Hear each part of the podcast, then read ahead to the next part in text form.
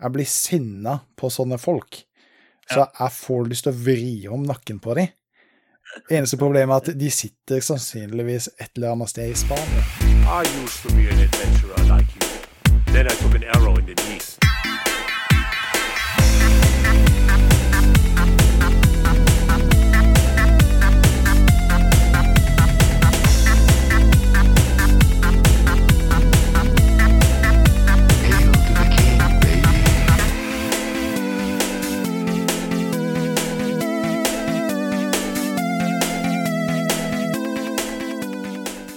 Ja, hallo alle sammen, og velkommen til Spill og chill, episode nummer 11. Jeg er som vanlig Bob Rob, og på andre sida av PC-skjermen min så har jeg Gunly. Gun, Oi. gun. Wow. Da kom den plutselig fra de sida denne gangen, Gunly. Mhm. Den eh, Jeg skal ikke si at det var høy klasse, men eh, den var, den, den Nei, var det var fin. ikke det, for at det er sånn uh, glassflaske med uh, papiremballasje, som jeg selvfølgelig glemte å ta av, så jeg prøvde å jekke den med den på, så det ble liksom ikke noe ordentlig sånn derre Ah, ok. Ja, ja. Men det er uh, ta vare på bel belgisk Stella og Artis fra oh. 1366. Altså ølen er ikke fra 1366, men merker det. Stella Ortiz, ja. Du, Ja. du vet at de kaller det for wife beater beer? Det, ja, vet du hva, det har jeg hørt, og det er faktisk du som fortalte meg det. Ja, så Jeg har én historie, og den forteller jeg om og om og om igjen. Ja, fortell den en gang til. Fordi at eh, jeg har ikke hørt den på et par år, og lytterne er ikke sikre at jeg er klar over det. Um, for uh, ei stund siden, så skal ikke jeg begynne også å snakke om årstall, uh, så ble den introdusert i England. Og når den ble introdusert i England, så hadde den høyere alkoholprosent enn det som var vanlig i England på den tida. Men det kosta akkurat det samme, kanskje til og med litt mindre. Så når folk var vant til å dra ned på puben og ta kanskje tre-fire øl, eh, så, så hadde de bygd opp seg en toleranse for den mengden med alkohol. Men når de begynte å drikke Stella Artis, som hadde høyere alkoholinnhold, så ble de Mm. alltid litt fullere enn det de var vant til å bli. Så når de kom hjem, ja, så når de kom hjem, så var det ikke noe annet enn å gjøre enn å banke kona. Det var vel, ikke akkurat sånn det var, men, det var vel gjerne det at når de kom hjem og var litt sur og gretten, og så begynte kona å nege på dem fordi de hadde vært på lenge på barn, og de var litt fullere enn alle pengene og ja, og de var litt fullere enn det de vanligvis var, så gikk det som regel litt dritt.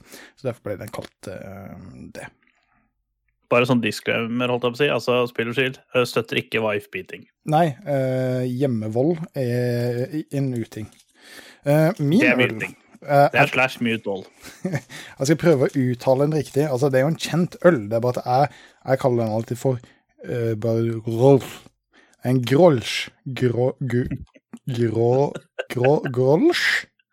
Grolsch? All, alle sammen vet hva det er, men det er utrolig vanskelig å uttale. Hvordan uttaler Ja. du grolsch? Er det bare det? Nei, go for it. Ja, det er iallfall det. Og den er jævla god. Den er mild og fin og rund og ah.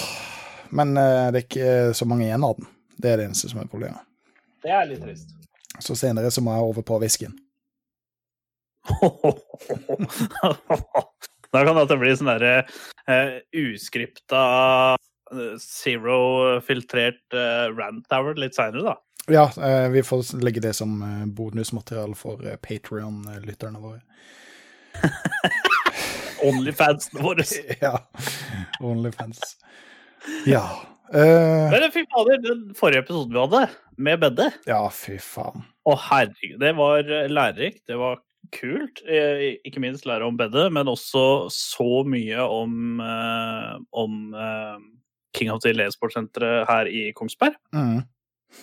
Så mye som eh, de holder på med, og så mange jern som de har i ilden. Altså, det, er- det er imponerende saker. Og, eh, og ikke minst eh, det at de fremmer gamingkultur i Norge, som vi begge to er veldig, veldig fan av. Til en, ja, absolutt. Og ikke bare det, men det at vi har så billige priser på ting. Ja, Altså at det faktisk er Altså hvis altså Foreldre kan jo se ungene sine ditt hver dag og fortsatt ikke være blakke etterpå, liksom. mm, ja og det, er- sånn må det jo nesten være. Men eh, det er jævla tøft å, å sette i gang et, eh, et sånt konsept som nesten rett og slett er for billig. Ja, ikke sant? Så all creds til de, men uh, det er helt riktig. Det var en vanvittig flott episode sist gang, og vi har fått veldig mye uh, respons på den. Masse, Ja, masse, masse downloads og, og gode kommentarer. Absolutt. Og den er jo faktisk på Også stor takk til Bedde, som faktisk har eh, Hvis du skriver her eh, utropstegn podcast i eh, King of the Hill-stream på Twitch, så vil du faktisk få link opp til episoden hvor, hvor Bedde var med, og det er utrolig, utrolig kult, da. Ja, veldig, veldig kult gjort av han å, å, å linke podden sånn direkte. Men han, han, han slo en, en god figur, så det er jo like mye selvreklame, egentlig. Ja, absolutt, absolutt. Det, det er det. Men uh, hvis dere ikke har hørt den, Det var kjempegøy å ha med, og eh, han, i hvert fall tilbakemeldinga vi fikk fra han òg, var det at han hadde det vanvittig gøy. Og han var en av de første. Vi, vi ga han en beskjed om at eh, du, nå har vi lasta opp episoden, og jeg tror det gikk sånn etter tre kvarter så sendte han oss en melding bare ja, du, du har hørt første episode, og det er dritkult, liksom. Ja, men eh, jeg høres ut som uh, dritt, fordi mikrofonen min er så jævla ræva. Er Bedde, du hørtes ikke så dårlig ut. Nei da, nei da, herregud. Men uh, det, det skal sies at jeg syns at lydkvaliteten vår er ganske høy klasse i forhold til veldig mye annet som jeg hører der ute. Ja. Så hvis du, hvis du syns det er ubehagelig å høre på, så er det iallfall ikke pga. lydkvaliteten. Da bør du bytte headset slash eh, høyttalere slash eh, volumstyring. Ja, ja. eh, Eller hva meg eller oss hinta til, da, men det er ikke så mye. Ja, men jeg tar ikke hint. Nei, nei, nei, det stemmer. Det sier kjerringa hele tida, og jeg tar ikke hint. Og det er faktisk sant. Men det er jo en del annet som har skjedd siden siste episode, Gunnli. Ja, det er jo det. Jeg regner med at ditt store høydepunkt er vel nattjobbing på Mickey D? Uh, ja.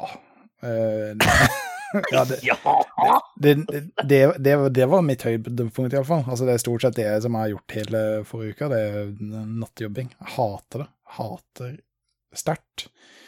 Det er Ja, altså, ikke, ikke noe kult. når du skal ta dykkesertifikat i, eh, i uh, ting som befinner seg inne i ventilasjonen nå, som folk kan bare gjette hva er for noe når det er i en fast food chain. Eh, Nødvendigvis ikke bare Mickey D. Nei, nei. Det Eh, er mye, mye dritt eh, oppi der, eh, som eh, Ja. de fleste folk som står nede ved kassa og skal bestille seg en eh, dobbel Big Mac med cheese, eh, er glad for at de ikke vet. Ja. Mm. det, jeg tror ikke det er mange som hadde bestilt eh, Double Big Mac med cheese, da. Nei. Det er trygt. Og du da, Gunnli? Har du blitt norgesmester i dart ennå?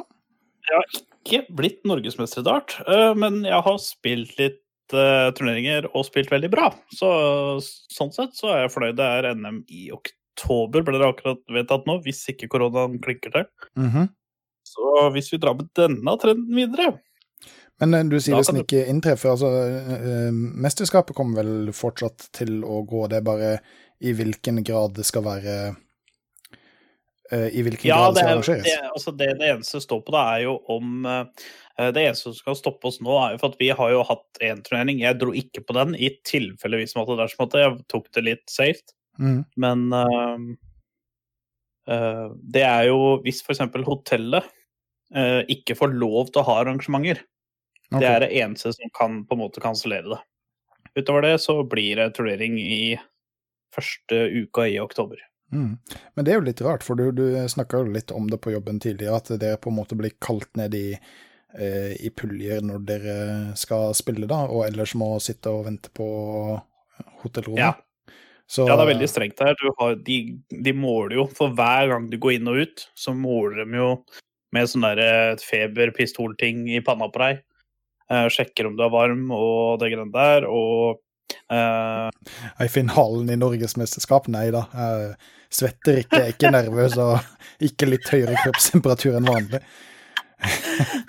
er det ikke noe høyt temperaturhus? Nei. Uh, nei, altså de gjør det, og du har kun lov til å være der når du skal spille. Du har ikke lov til å være på spillelokalet når du ikke skal spille. Så da flyr alle på rommene sine og venter på at de da skal ned til, uh, til neste match, da. Mm. Så er det jo alt med disse reglene i forhold til Folkehelseinstituttet og sånne ting. Altså, det er mye man må følge, og du har Altså, hvis du hoster litt radig, så har du ikke lov til å delta. engang. Så det er veldig sånn du må være ganske eh, on point da, for å få lov til å delta. Du må være relativt frisk. Mm. Ja, men det er bra at de, de tar hensyn og sånn, men uh, det blir veldig spennende å se når den tid kommer, da.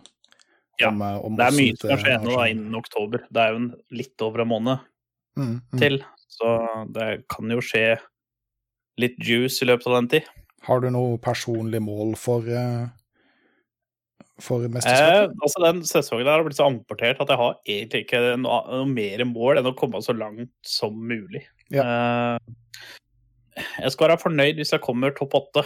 Da tror jeg jeg har nådd eh, det som på en måte er nesten for mye å ønske nå som jeg har vært så lenge borte. Jeg har vært borte i sju år, Mm, så jeg har liksom aldri Jeg har ikke kommet ordentlig inn i det igjen. Jeg, jeg blir jo ikke sida i år, tror jeg. Så jeg kan jo havne med den beste i første kampen. Så vi må Ja. bare se åssen det går. ja, ja, ja, var litt heldig med trekning og trene godt, så topp åtte hadde vært dritkult. Eh, realistisk så klarer jeg vel topp 32, men det hadde vært veldig kult å komme topp åtte. Mm. Ja, vi eh, krysser fingrene. Når den tid kommer, så får vi jo høre. Og hvis du ikke har hørt noen ting, så gikk det jævla dårlig. Ja! Hvis vi ikke nevner noe, så har det gått til helvete. Ja, eh, rett og slett. Eh, denne episoden kommer til å komme ut et par dager senere enn det vi egentlig håper på. Men det er ikke fordi vi har vært sløve, eller fordi vi har sittet på sidelinja, Gunnli. Nei! Nei. Det er Canada sin feil. Var det ikke det vi Ja. fant ut? Jo. Jo, det det sto faktisk uh, 'bank on the table', eller 'knock on wood', som uh, høres litt mer vakkert ut. Uh, så sto faktisk at det var en brannmursfeil i Canada, som har ført til at over 647 000 Altibox fiberkunder i Norge har slitt, og mange millioner over verden har slitt med, med rette hastigheter og sånn. For at internettet var jo veldig rart i går. Ja. Det var jo sånn at Twitchen min fungerte, men Twitch å komme inn på Twitch-chat, det fungerte ikke. Nei, nei, nei, det var helt sjukt. Så det var veldig sånn opp og ned, og eh, telefonen min den klarte ikke å loade eh, Twitter eller Facebook eller noe som helst, så jeg satt jo da med 4G og så på YouTube. Mhm. -hmm. Det som var morsomt, var at jeg kunne spille én runde med League of Legends, men jeg kunne ikke gå inn på champion.gg for å sjekke bildser. Ja. Ikke sant. Så det var en eh, Nei, som det mystisk internettdag i går. Ja, det var det, og jeg har jo opplevd noe av det samme sjøl før. Eh, men da var det jo ikke pga. Canada, da var det jo for at eh, modemet mitt røy- eh, ikke stykker. Så jeg var jo helt sikker på at ah, OK, nå har mo eh, modemet mitt gått i stykker, for det har skjedd før, og det skjedde på akkurat den måten. Så jeg var liksom uh, helt sikker på at det er dette som har skjedd igjen. Ja, 100 Uh, Men så har jeg et annet modem, så jeg bare kobla til det for å prøve. Og det funka ikke. Og da visste jeg at ha-ha, Ja. her er det noe som uh, ikke Det er ikke noe feil her, det er liksom feil et annet sted som gjør så at det blir følgefeil. Og så i tillegg, da når du seinere på kvelden, og vi nevnte at vi skulle spille en episode, og du sa at nei, du jeg har ikke internett, eller jeg har slitt med dette, lager jeg, og så bare Mm. ah. Så Viken Fiber Altibox har jo hatt mange kunder nede, og da er det over 647 000, så veit du at da er det jo et større problem enn et lite lokalproblem et sted, da. Ja, ja, ikke sant. For det var det jeg også var litt redd Jeg, jeg trodde det nesten var nevøene mine som uh, hadde vært ute og kødda med ledninga, fordi jeg er jo såpass sofistikert at jeg har jo uh, fiberkabelen min bare liggende over gressplenen ute i hagen. Så kom de på besøk og skulle hilse på kyllingene, så jeg tenkte faen, nå har de vært og tråkka på den, eller røska på den, eller et eller annet. Så, Åh, Men, det. ja, ja, ikke sant. Men da var det jo litt letta å finne ut at det var andre som også hadde samme problem. Ja. Så- Nei, det, det, det, er, det er så sketchy når sånne ting skjer, for at du liksom begynner å tenke hva faen er det som har skjedd nå. Først så trodde jeg jo at uh, For jeg hadde akkurat bytta kanalpoengene mine på Altibox-pakka. Mm. Fordi at der har du jo kanalpoeng som gjør så at du kan uh, Du kan jo få HBO og sportskanaler og sånne ting som du kan velge som kanalpakker som koster 40 poeng osv. Jeg trodde kanskje å ja, det er sikkert derfor jeg ikke har internett, for jeg kuka med noe der, og da bruker jo ofte en time på å fikse det. ikke sant? Så tenkte jeg ja, ja, da kanskje er det noe som har hengt opp der eller bugga seg der, da. Men det var det jo ikke. Nei. Ehm, har vi noen andre høydepunkter siden sist? Um, Nei, ikke annet enn uh, aftermathen og allting fra episoden episode 10. Det var kjempegøy, og da vi gjorde det der, da bestemte vi oss for at nå skal vi, nå skal vi smi, smi igjen, og nå skal vi ha normal schedule. Og det har vi nå, men da var det jo, som du sa, da, da var det jo Canada. Ja, Damn Canada. Canada. Canada. Begynte å tenke, tenke på den her også. Uh, vi har jo noen andre høydepunkter, men det kommer vi jo litt tilbake til senere i, uh, i sendingen. Ja, ja, ja. Eh, men eh, har, har du annet enn å bare kose deg oppe i eh, i Mickey D sin ventilasjon i løpet av låta. Har du, har du rekket å spilt noe i løpet av disse to ukene? Uh, apropos det, den ene kvelden så brukte jeg sju og en halv time på å krabbe gjennom et gammelt rør og skrape fett av veggene.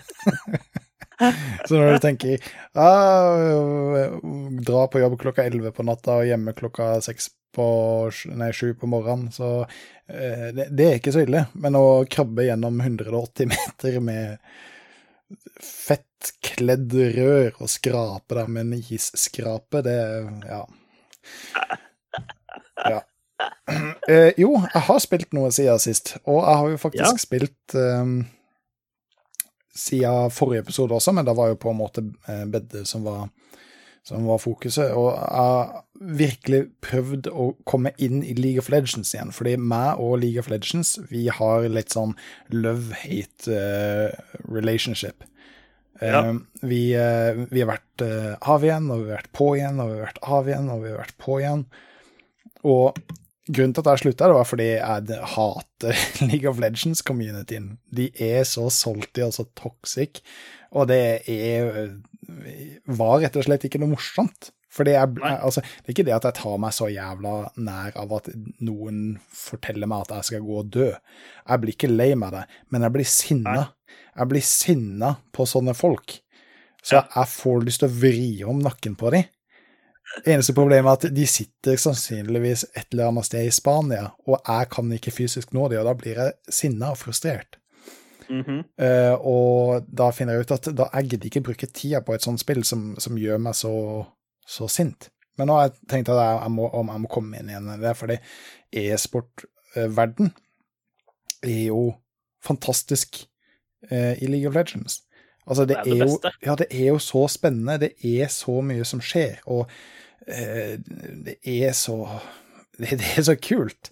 Så eh, for å være mer med inn i den e-sportverdenen, så, så, så har jeg funnet ut at jeg må komme meg tilbake til League of Legends for å skjønne metaer og eh, taktikker og, og, og sånn, da.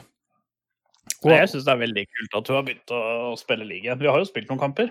ja, og eh, det beste tipset som jeg fikk ifra deg, det er å skru av chat. Skru av all chat.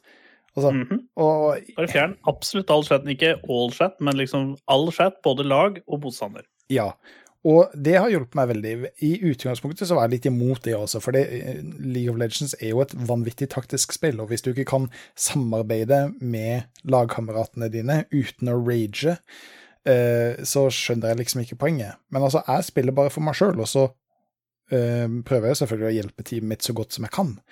Eh, men Ja.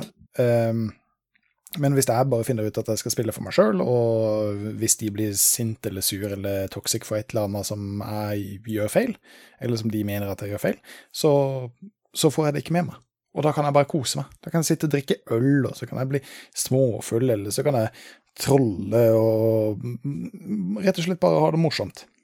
Ja, ikke sant? Og det er jo det som er eh, Det som er så fint med league, da, eh, er det at du kan Spillet er lagd for at du kan skru av all chat, fordi du kan bare bruke pings. Mm. Du kan bare pinge 'hei, jeg kommer', 'hei, jeg trenger hjelp', eh, 'hei, gjør dette', 'hei, gjør dette', ikke sant? Eh, du trenger ikke å ha chat for å si 'hei, kom, uh, gank oss', 'hei, gjør dette for oss', 'hei'. uh, Hjelp meg med Baron. Mm. Mm. -hmm. Du kan bare pinge der. Ja. Og pinge du er på vei dit. Uh, og for å si det sånn, da fra, Nå har jeg bare vært uh, Min høyeste har jo bare vært uh, oppe i Platt et sted. Og ikke engang har jeg opplevd at chatten blir brukt til noe fornuftig. Nei, nei. Altså, Fordi at eh, League of Legends er som alle andre spill. Altså, samme hvis du skal spille Valorant solo Q eller uh, Siege solo Q eller CSGO solo Q Folk har Det er fem forskjellige folk. Alle fem har hver sin mening om hvordan de skal spille spillet. mm, ja. Jeg ser, jeg ser jo noen eh, som prøver å bruke chatten til noe fornuftig, men de, de er heller i færtall. Så da er det Ja, altså, mye mer behagelig å bare skru unna.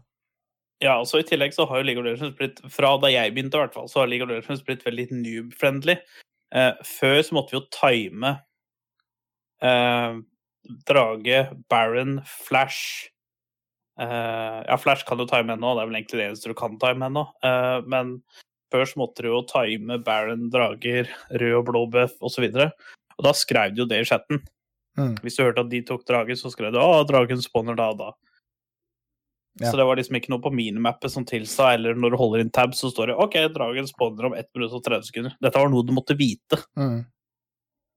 Uh, så det brukte man mye i chatten til før, men det har på en måte liksom dette litt ut.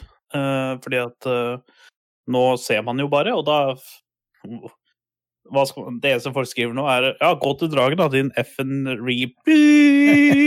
Ikke sant? Så det, så det er liksom Jeg er veldig glad for at det, det finnes veldig visuelle timere og trackere og sånne hjelpemidler, for det er så jævla dårlig på tid når jeg sitter i lanen og, og, og prøver å gjøre mitt beste, da.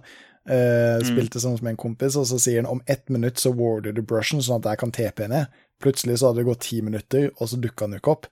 Men det var jo fordi jeg hadde glemt å å sette noe ward der.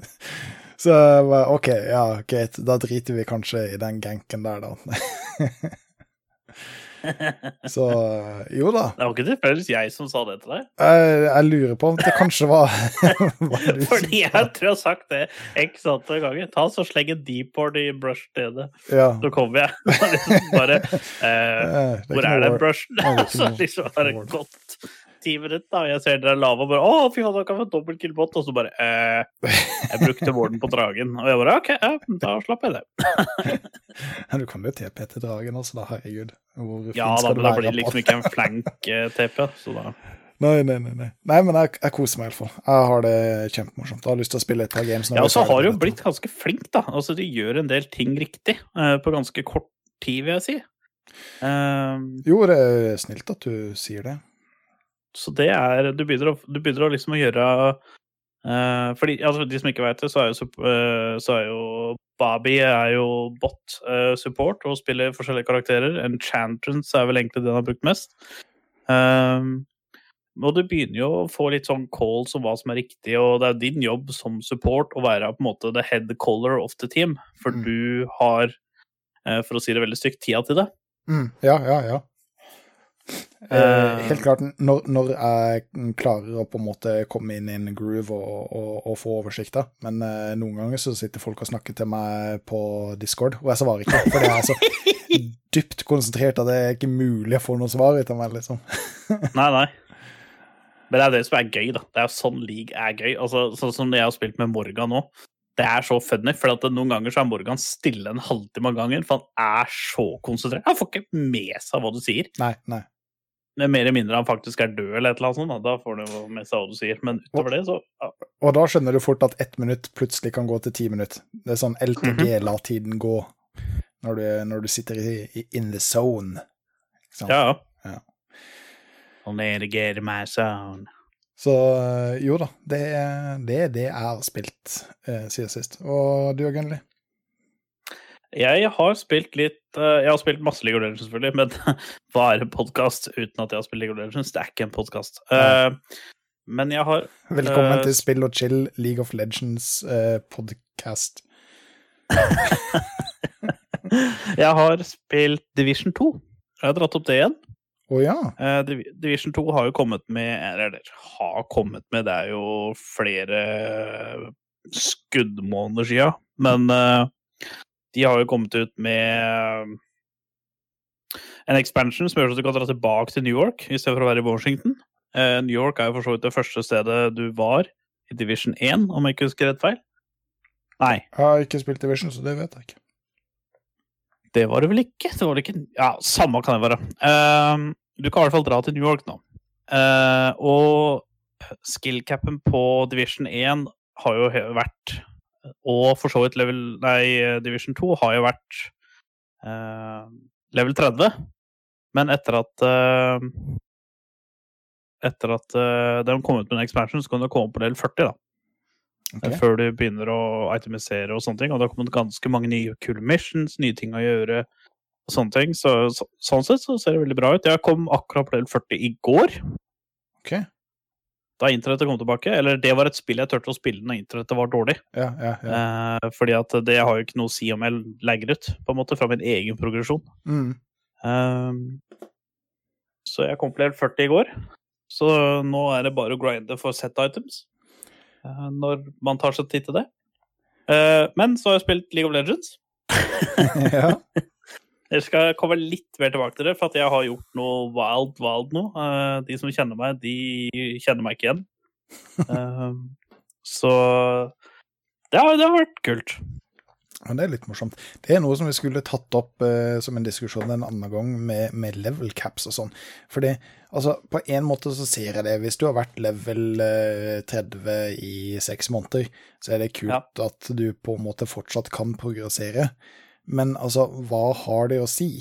Eh, det ene attacket ditt, som gjorde x antall damage eh, i level 30, er jo fortsatt det samme attacket, det, eh, bare kraftigere. Det, det er jo bare et nummer som øker. Så Ja, den ser jeg, men faktisk på Division så har de lagt nye skills. Som du får fra level 30-40. Fordi at det er jo ting, en, en ting skal jeg faktisk si, eh, og det var jeg ganske stor motstander av. Jeg ble faktisk litt overraska da det ikke var For jeg har jo Battle Pass, eller hva det heter for noe. Season Pass, et eller annet, hva det heter for noe.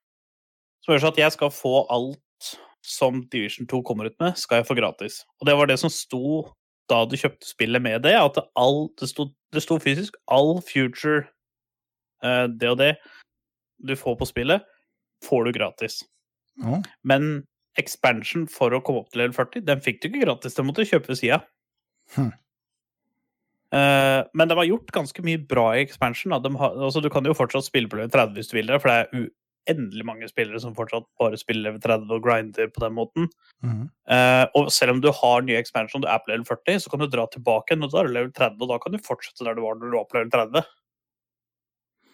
Okay. Så de har gjort, jeg finner en sånn løsning som er veldig bra, men veldig skuffa over at de faktisk Det sto da spillet kom ut, at kjøper du med Season Pass, så skal du få alt gratis. Og så får du ikke alt gratis. Ja, det er litt rart. Eh, De, har nok helt sikkert en eller annen hjemmel som de kan ta og gjemme seg bak, men eh, det høres jo litt mystisk ut. Ja, jeg har jo fått sånn episode 1, 2, 3 har jeg fått gratis. Mm. De har kommet ut med sånne svære expansion som heter 1, 2, 3. Mm. Episode 1, 2, 3. Um, men jeg fikk jo ikke denne expansion nå, hvor du kunne levele fra 30 til 40 gratis. Og det syns jeg faktisk var veldig rart. Ja, det, Ikke det var så dyrt, men, men uh, Og jeg er jo ganske fan av Division, jeg syns det er ganske artig. Men jeg sånn Jeg spiller ikke mye nå lenger, men jeg spiller fra tid til annen. Og det var litt artig, for at i går da jeg lev, eh, så sto jeg inne, for du kan Når du gjør storyen og sånn, så kan du liksom Og foran main missions, da, så kan du trykke på matchmake, som gjør sånn at du kan få folk til å joine deg og hjelpe deg da, hvis de har tid til det, eller noe sånt. Eller du kan calle som uh, agent in backup. Mhm. Eh, og da, kan, da får alle spillere som er frie, de får en varsel på skjermen sin at uh, her er f.eks. Uh, Gunley, han trenger hjelp. Uh, hold inn M hvis du har lyst til å hjelpe. Og da teleporterer du deg inn til hans verden, ikke sant, og så hjelper du. Ehm, og han som joina i går, han er norsk. det er ikke bare at han er norsk, men han bor jo bare noen steinkast unna her. Oh, wow. Så jeg liksom bare ikke sant, Først så var det jo Jeg joina da Eller det kom tre stykker. For de tre fant ut at de skulle joine. Mm.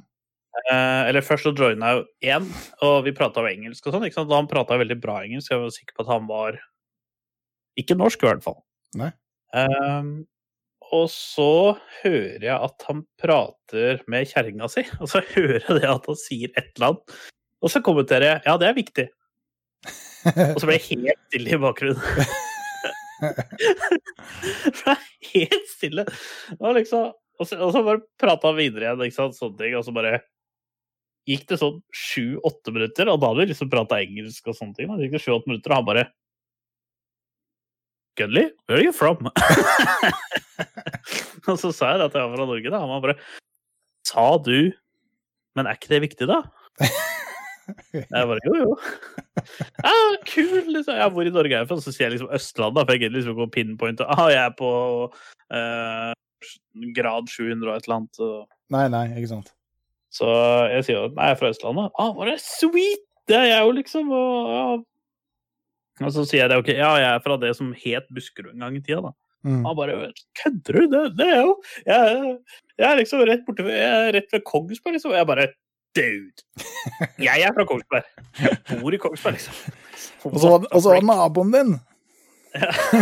Nesten naboen. Altså. Er det en å kaste så er det et steinkast unna. Mm. Så jeg bare liksom tenker alle som spiller Division uh, Og han var jo mye høyere item level enn meg. For når du først kommer på makslevelen din, så kan du begynne å skaffe set items og få høy Ja. eh, score level da, på tinga. Det er jo litt sånn looter-shooter uh, Ja. Eh, og um, Så det er liksom odds for at han skulle hjelpe meg, den var jo såpass lav. Og så i tillegg det er en nordmann som bor rett borte her i tillegg. Det er så, så jævlig bra. Ja, det er, det er sprøtt når det skjer. Det har skjedd meg et par ganger også. Det er liksom wow. Det er, liksom, du, det er liksom Verden er, så stor, men yet so small. ja, ja. Vil Så det har vi spilt. og sånn, men så har jeg da spilt League of Legends, men det kommer jeg litt tilbake til nå. Ja. Ja. Ja. Men vi har jo et segment. Eh, vi hadde egentlig tenkt å skyte dette inn i forrige episode, men altså, de som det, Jeg fikk faktisk en kommentar fra en lytter med at episoden var så lang sist. Så da var jo den personen sikkert takknemlig for at du sparte dette segmentet til denne episoden. Og dette er faktisk eh, Bob Ross sitt forslag, for dette er jo et, eh, kan være et alvorlig tema òg, faktisk. mm. Um, og det er liksom spillivet eh, versus eh, in real life. Altså det virkelige liv. Spilliv i forhold til virkelig liv. Og Bob, ta så utdyp litt der. Hva, hva, hva, hva tenker, du, tenker du der? Ja, for, det, ehm, for de som har hørt eh, tidligere episoder, eh, vet at jeg var vanvittig dypt inne i Last Oasis. Å, herregud, det Eh, var ikke mulig å få tak i engang. Nei, det, det var ingen som hadde mulighet å få tak i meg. Eh, jeg var helt jævla borte i det spillet. Um, hver dag som jeg kom hjem fra jobb, så satt jeg og spilte til jeg måtte gå og legge meg. Eh, hver eneste helg så fant jeg på en eller annen unnskyldning for å gå og spille helt til jeg gikk og la meg, fordi det var et veldig grindy spill, og det var veldig mye som måtte gjøres, og det var hele tida et eller annet som skjedde, og når det ikke var noe som måtte gjøres, så var communityen forbanna kul, så du hadde lyst til å henge med de i Discord, så videre. Og så skulle det komme ut en expansion, og så plutselig så sitter jeg og så vet at det er enkelte steder i huset mitt som jeg gjerne skulle pusse opp. Eh, vi hadde nettopp fått eh, Eller tanken var vel at vi skulle få høner, da. Så det var en del som måtte gjøres der. Og så satt jeg plutselig og så tenkte jeg, faen, det er egentlig jævlig mye jobbing som må gjøres hjemme. Og hvis jeg fortsetter å spille etter at denne expansionen kommer ut, så kommer jeg ikke til å få gjort noen ting av det. Jeg får ikke fiksa sykkelen, jeg får ikke eh, fiksa huset, jeg har ikke hengt med kjerringa på stort sett to måneder. Eh, og, og, og da fant jeg ut at man Det kommer et punkt hvor på en måte de tinga som kreves av deg i det virkelige livet, må gjøres. Du kan fint utsette det en, en liten periode, eh, kanskje et par dager eller kanskje et par uker og til og med en måned. Men til slutt så Mm. begynner det å hope seg såpass opp at det er veldig, veldig, veldig mye som må gjøres i ditt vanlige liv. Og Ja. når er det på en måte nok? Når må, når må du si til deg sjøl at vet du hva, nå må jeg ta meg sammen og så ta oppvaska, for den saks skyld? Eller ut Ja. og mokke snø, eller eh, henge sammen med andre venner. Og, og hvor går den grensa? Når er det på en måte greit å så si det at vet du hva, nå skal jeg drite i absolutt alt annet, og så skal jeg inn og herje på PC-en? Og når må du si at nå, er det, nå må jeg prøve å være litt ansvarsfull? Og, og det var den tanken som reiv og sleit litt i meg, at faen, jeg har lyst til å sitte her eh, og få med en ny expansion og sånn, men hvis jeg gjør det, så kommer det til å gå jævla mye dritt. Altså, du blir skilt, huset Ja. ditt kommer til å falle sammen, ja, eh, altså ja, kommer til å miste eh, jobben. Hvis jeg hadde blitt skilt, så hadde jeg plutselig hatt ve veldig mye mer tid til å game. men huset, Ja, altså, hadde, min, egentlig. huset fortsatt hadde, hadde fortsatt rast ned rundt meg, ikke sant? Eh, Da hadde du ikke trengt huset, for da hadde du vært skilt, og da kunne du ikke ha sittet mer aleine. Nei, ikke sant, men jeg må jo fortsatt flytte et annet sted, da. Ikke sant? Jeg hører bare vinn-vinn men det er, Nei, da. det er jo tiltak, det, altså. Men hva, hva, tenker du om Gendli? Har, har du liksom hatt noen sånne situasjoner hvor du tenker at du må ta deg sjøl i nakkeskinnet og liksom gjøre noe? Uh, jeg tror Eh, Jeg tror faktisk aldri jeg har hatt den der. Eh, I så fall, hvis jeg har hatt den, så må det ha vært for ganske mange år siden, jeg var, da jeg var veldig mye yngre. Og da hadde jeg liksom ikke det ansvaret som en voksen mann har. da, og Skal liksom ta vare på der han bor, og jobb og uh, samboer og det som er. Uh, men jeg tror aldri jeg har hatt den Jeg, jeg har jo hatt veldig ofte den derre Det her skal jeg ærlig innrømme at jeg har jo uh, Ikke med hun jeg er sammen med nå, men hun jeg var sammen med, altså ekskjerringa. Jeg husker da at eh, da jeg var sammen med henne, liksom Da hadde jeg en jævlig god run i League of Legends, og da spilte jeg Jeg spilte, spiste, pusta, drømte, sov League of Legends. Mm. Og um, jeg husker det at hver gang jeg hadde lovt at jeg skulle til hun, så var det egentlig tortur, for jeg bare Vet du hva, jeg har lovt at jeg må til hun. Sorry, jeg må liksom dra til henne, liksom. Ehm, og det husker jeg, det, det har jeg gjort, men det har liksom aldri vært noe sånn eh, problem i den forstand. Altså, jeg har jo alltid vært sånn som eh, spiller Jeg har alltid vært sånn, jeg tror at hvis jeg spiller i fire timer, så må jeg ha en pause. Mm. Eh, uansett hvor engasjert jeg er og sånne ting. Eh, men jeg har jo en kompis eh, som eh, Hvis han hører dette, så kommer han til å kjenne seg igjen. Det er riktignok noen år sia, men han har jo spilt Han har jo vært det meste av sitt voksne liv arbeidsledig. Mm. Og jeg husker jo det da jeg kom til han der han bodde før. Så var, jo, var det ikke bare det at oppa, oppvaska hans var oppi oppvaskkummen og på kjøkkenbenken. Altså, kjøkkenet hans var fullt med oppvask. Til og med spisebordet, der var det stabla en pyramide eh, ting som var klart til oppvask, liksom. Mm. Det var så fullt. Og det, og det var også da spilte den ja, Jeg skal ikke si hvilket spill og sånne ting, i tilfelle jeg røper hvem det er, men uh, Da var det liksom sånn at jeg, jeg husker at da jeg kom og besøkte den personen, og den personen var også sånn at uh, Jeg kan på en måte forstå det, for at hvis du er arbeidsledig, så skjønner jeg det på en måte at uh, Hva annet skal du gjøre? Mm. Og du har jo kanskje ikke noe grunn til å legge deg, men jeg husker jo det at det var sånn at de, da jeg sto opp for å dra på jobb, da gikk den personen og la seg. Ja, ja. Eller at da jeg kom hjem fra jobb, da gikk den personen og la seg, for da hadde han vært oppe hele natta og spilt til, til og med mens jeg var på jobb, ikke sant. Mm. Og jeg har jo også kompiser som eh, ja, eh, ikke har så veldig mange andre eh, ansvarsområder. Så det, det eneste de gjør egentlig hele dagen, Escape from Tarco. å spille Escape from Tarco. Eh, Jeg veit hva du mener. ja, men også har jeg andre som på en måte har et veldig Veldig, hva skal jeg si Et liv med veldig mye ansvar. Altså kjerringer og unger og jobb og så videre og så videre og så videre. Mm. Eh, og de ser ut til å balansere det helt fint. Og jeg sitter jo med mye av det som ansvaret, men jeg sitter også med den, der, eh, den følelsen at faen, jeg har lyst til å På grensa til spilleavhengighet, ikke sant? Hvor jeg, Ja. det kribler i kroppen, og jeg blir liksom eh, nesten irritert og sånn når jeg, når jeg tenker at nei, faen, jeg kan ikke spille. Uh, Vet du jeg, jeg faktisk Dette kommer til å høres i hvert fall insane ut. Men jeg har faktisk eh, lyst til å ha den følelsen at jeg kunne faktisk ønske at jeg klarte å sette meg ned f.eks. en søndag hvor jeg har fri. mm, At jeg hadde klart da å sette meg ned eh, klokka åtte om morgenen, og så hadde jeg bare sittet og gama til den la meg.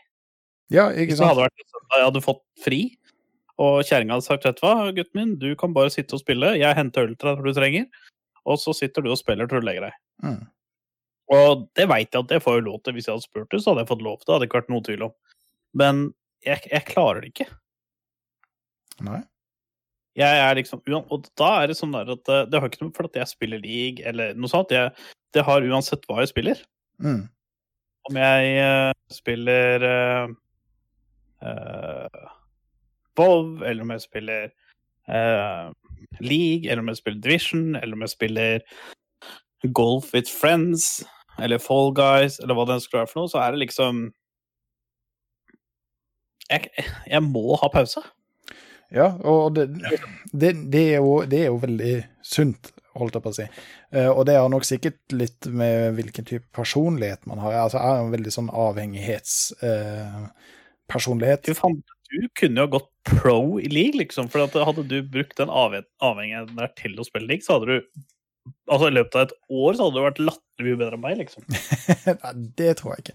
Men, men Jo, ja. jeg, jeg, jeg, jeg liker det å på en måte virkelig fordype meg i noe, og, og sitte og konsentrere meg om et eller annet, og, og bare la tida forsvinne. Det, det, det syns jeg er vanvittig digg. Og, Men jeg tror Apropos det, der tror jeg faktisk du traff meg litt, fordi jeg er det i League of Legends. Selv om jeg ikke spiller det hele tida, så ser jeg på det og lærer om det mm, ekstremt mye. ja, ja. Altså Jeg har flere tusen timer på LL Esports, hvor jeg har sett på Competitive League. Eh, Jeg leser alt av patch notes. Jeg leser alt av eh, hva som er bra, items. Eh, funderer alltid på hva kan Hvilket pick kan jeg gjøre Smør ting bedre og sånne ting. Og det er så, det er så mye jeg tenker på, da. Mm, Eh, så der kan jeg kanskje være litt på den derre eh, det er, Og det er liksom ikke bare det at jeg ser på sånn som LAC og LCS og sånn, men gjerne sånn eh, Mange av disse X-Pro-ene og sånn har jo talkshow om league. Oh, ja, ja. Og det følger jeg også med på. ikke sant? Så det går jo eh, La oss si hvis jeg spiller fire timer league om, om, på en søndag, da, så ser jeg sikkert fire timer med bare content om league utenom League of Legends. Mm. Mm.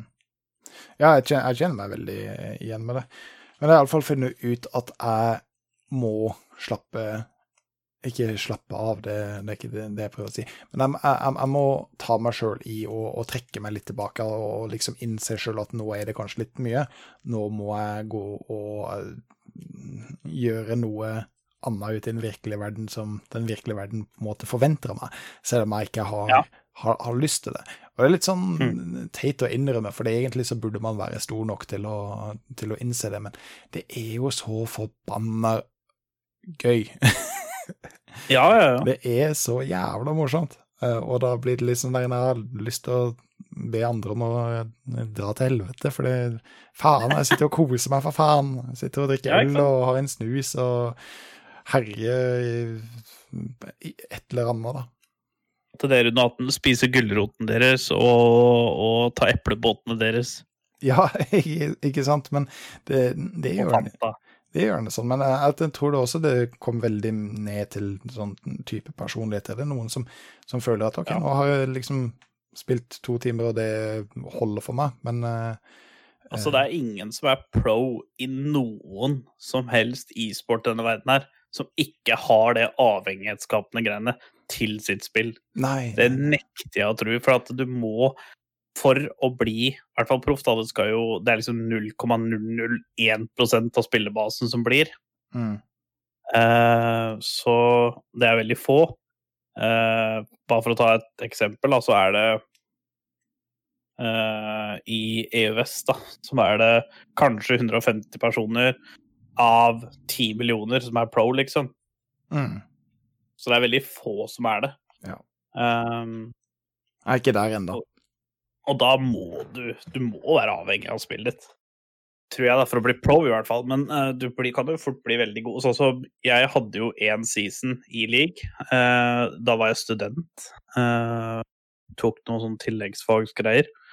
Eh, og da spilte jeg sinnssykt mye league, for da hadde jeg så mye det. Og da hva jeg gjorde for noe? Jeg studerte. Da jeg var ferdig med å studere og gjøre alt jeg skulle gjøre med studiene, så bare gamba jeg league til jeg la meg. For da hadde jeg ikke på den tida så hadde jeg ikke dame. Jeg hadde friår fra darten. Det var liksom Det var så digg, liksom. Ja. Jeg er helt enig. Altså, det, sånn sett er det bra at jeg har kjerring, for ellers så hadde jeg bare sittet her hele dagen. Rett og slett. Ja, det, jeg, jeg, tror, jeg tror faktisk i det hele at det er veldig, det er veldig bra å ha, ha sin bedre halvdel der. Jeg tror det er veldig lett å eh, Altså, jeg kjenner jo flere som ikke gjør noe annet enn å jobbe, og så kommer de, og så sitter de på PC-en til de legger seg, og så drar de på jobb igjen. Sitter på PC-en til de legger seg. Og, Mm. og det er jo ikke bra. Nei, eh, det er sikkert morsomt der og da, men eh, det går jo utover eh, vanvittig mye annet, da. Sosialt liv og, og så videre og så videre. Jeg vet ikke om vi kommer frem til noen konklusjon her, i alle fall. Ja, men er det noen konklusjon annet enn at det er Altså, det er Altså, jeg Min fasit på det, da, er hvis du spiller så mye at du ikke får nok søvn, eh, du Du gjør ikke noe annet enn å spille, og at det er faktisk sånn at det ser ut som et uvær hjemme hos deg og sånne ting, fordi at du bare sitter og spiller, og du gjør ikke ting du quote on quote må gjøre som en voksen person, Mm. da er du for mye. Ja, ja.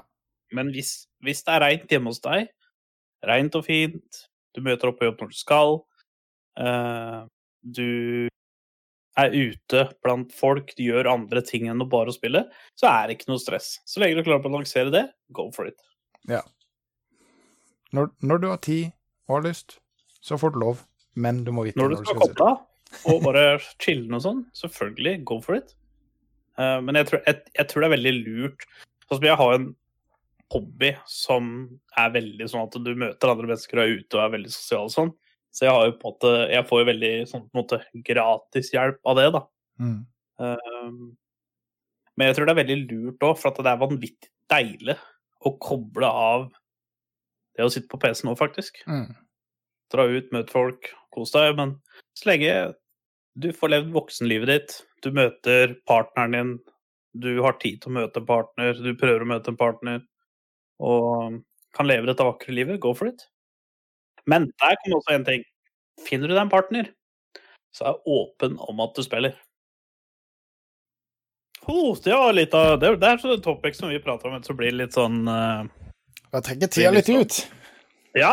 Vi, vi kan bare skravle om det i, eh, evighetens tid, så vi må nesten videre. Vi må titte litt eh, på klokken, Mm. og eh, der er det Uh, Neste topic der er jo det at vi har jo sett mye på Competitive League of Legends, altså LAC og LCS har jo playoffs nå.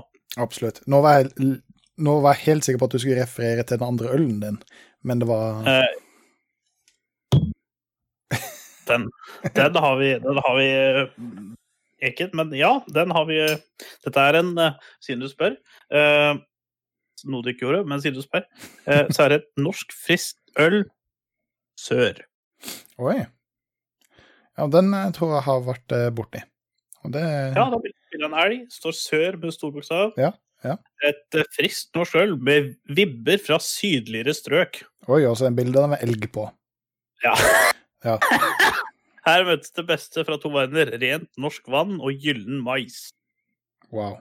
Med bilde av en elg. De har Ja. iallfall uh, funnet ut eh, Så er det gullskrift, og hva dette er. Det er så gull at det reflekterer lyset. Jeg klarer faktisk å lese. Humle, maltet brygg, 60% Ikke brygg, men bygg. Eh, og mais, 40% Brygget av Arendals Bryggeri AS for NVev AS. Oi. Eh, hashtag ikke sponsa, bare så dere er klart at det er ikke noe shout-out til de, for jeg visste ikke hvor det var engang. Nei. Men nå skal vi ta en test.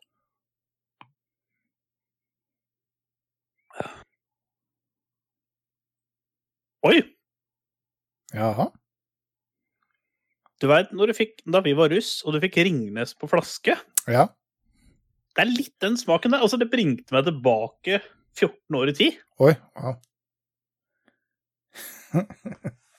det var en liten tidsreise.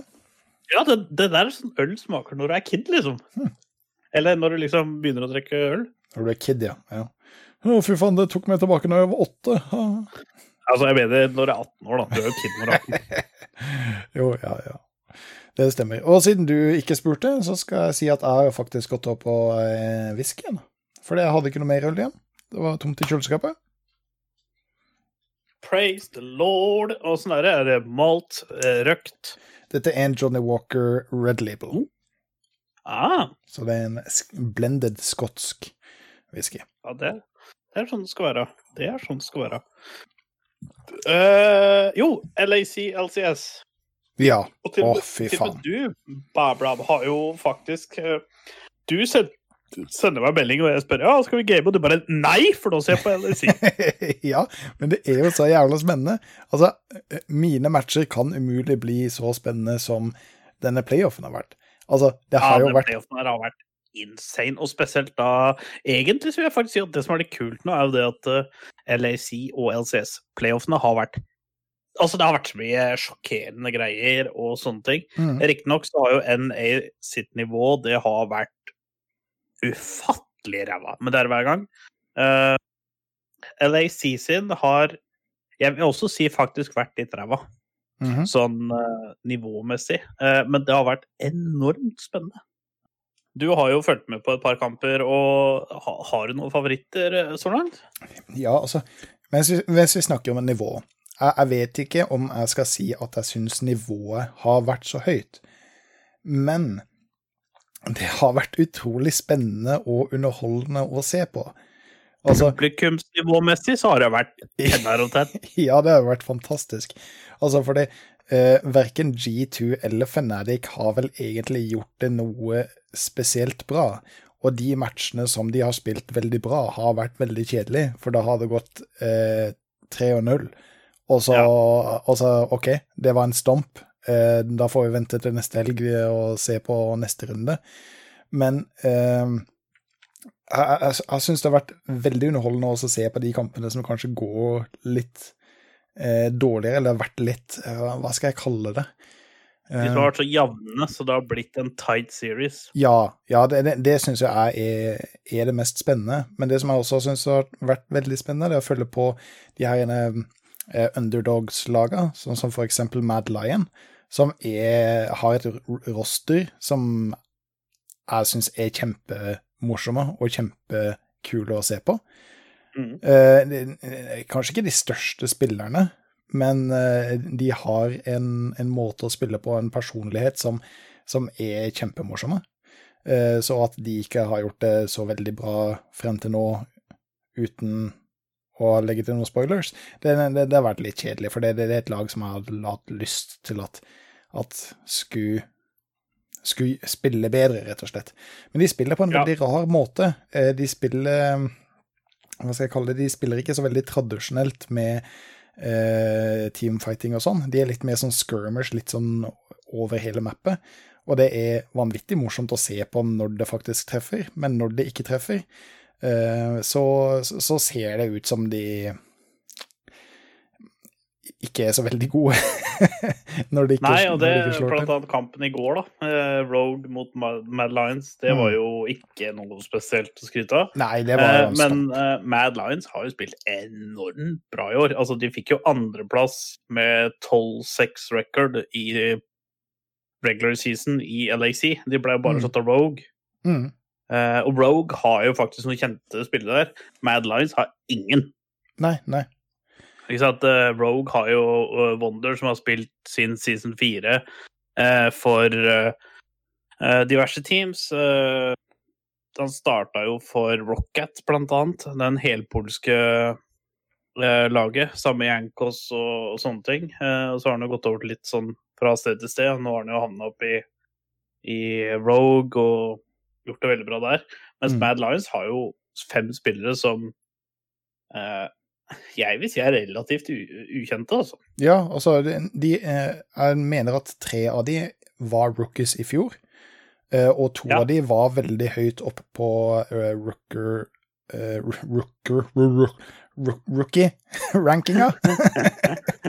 sånn som Shadow mener jeg var rookie of the year uh, forrige året. Og han er jo kjempemorsomt å se, eh, se på spillet når den får det til. Fordi når den får det til, så er det vanvittig underholdende, og det er så overraskende når ganksa kommer.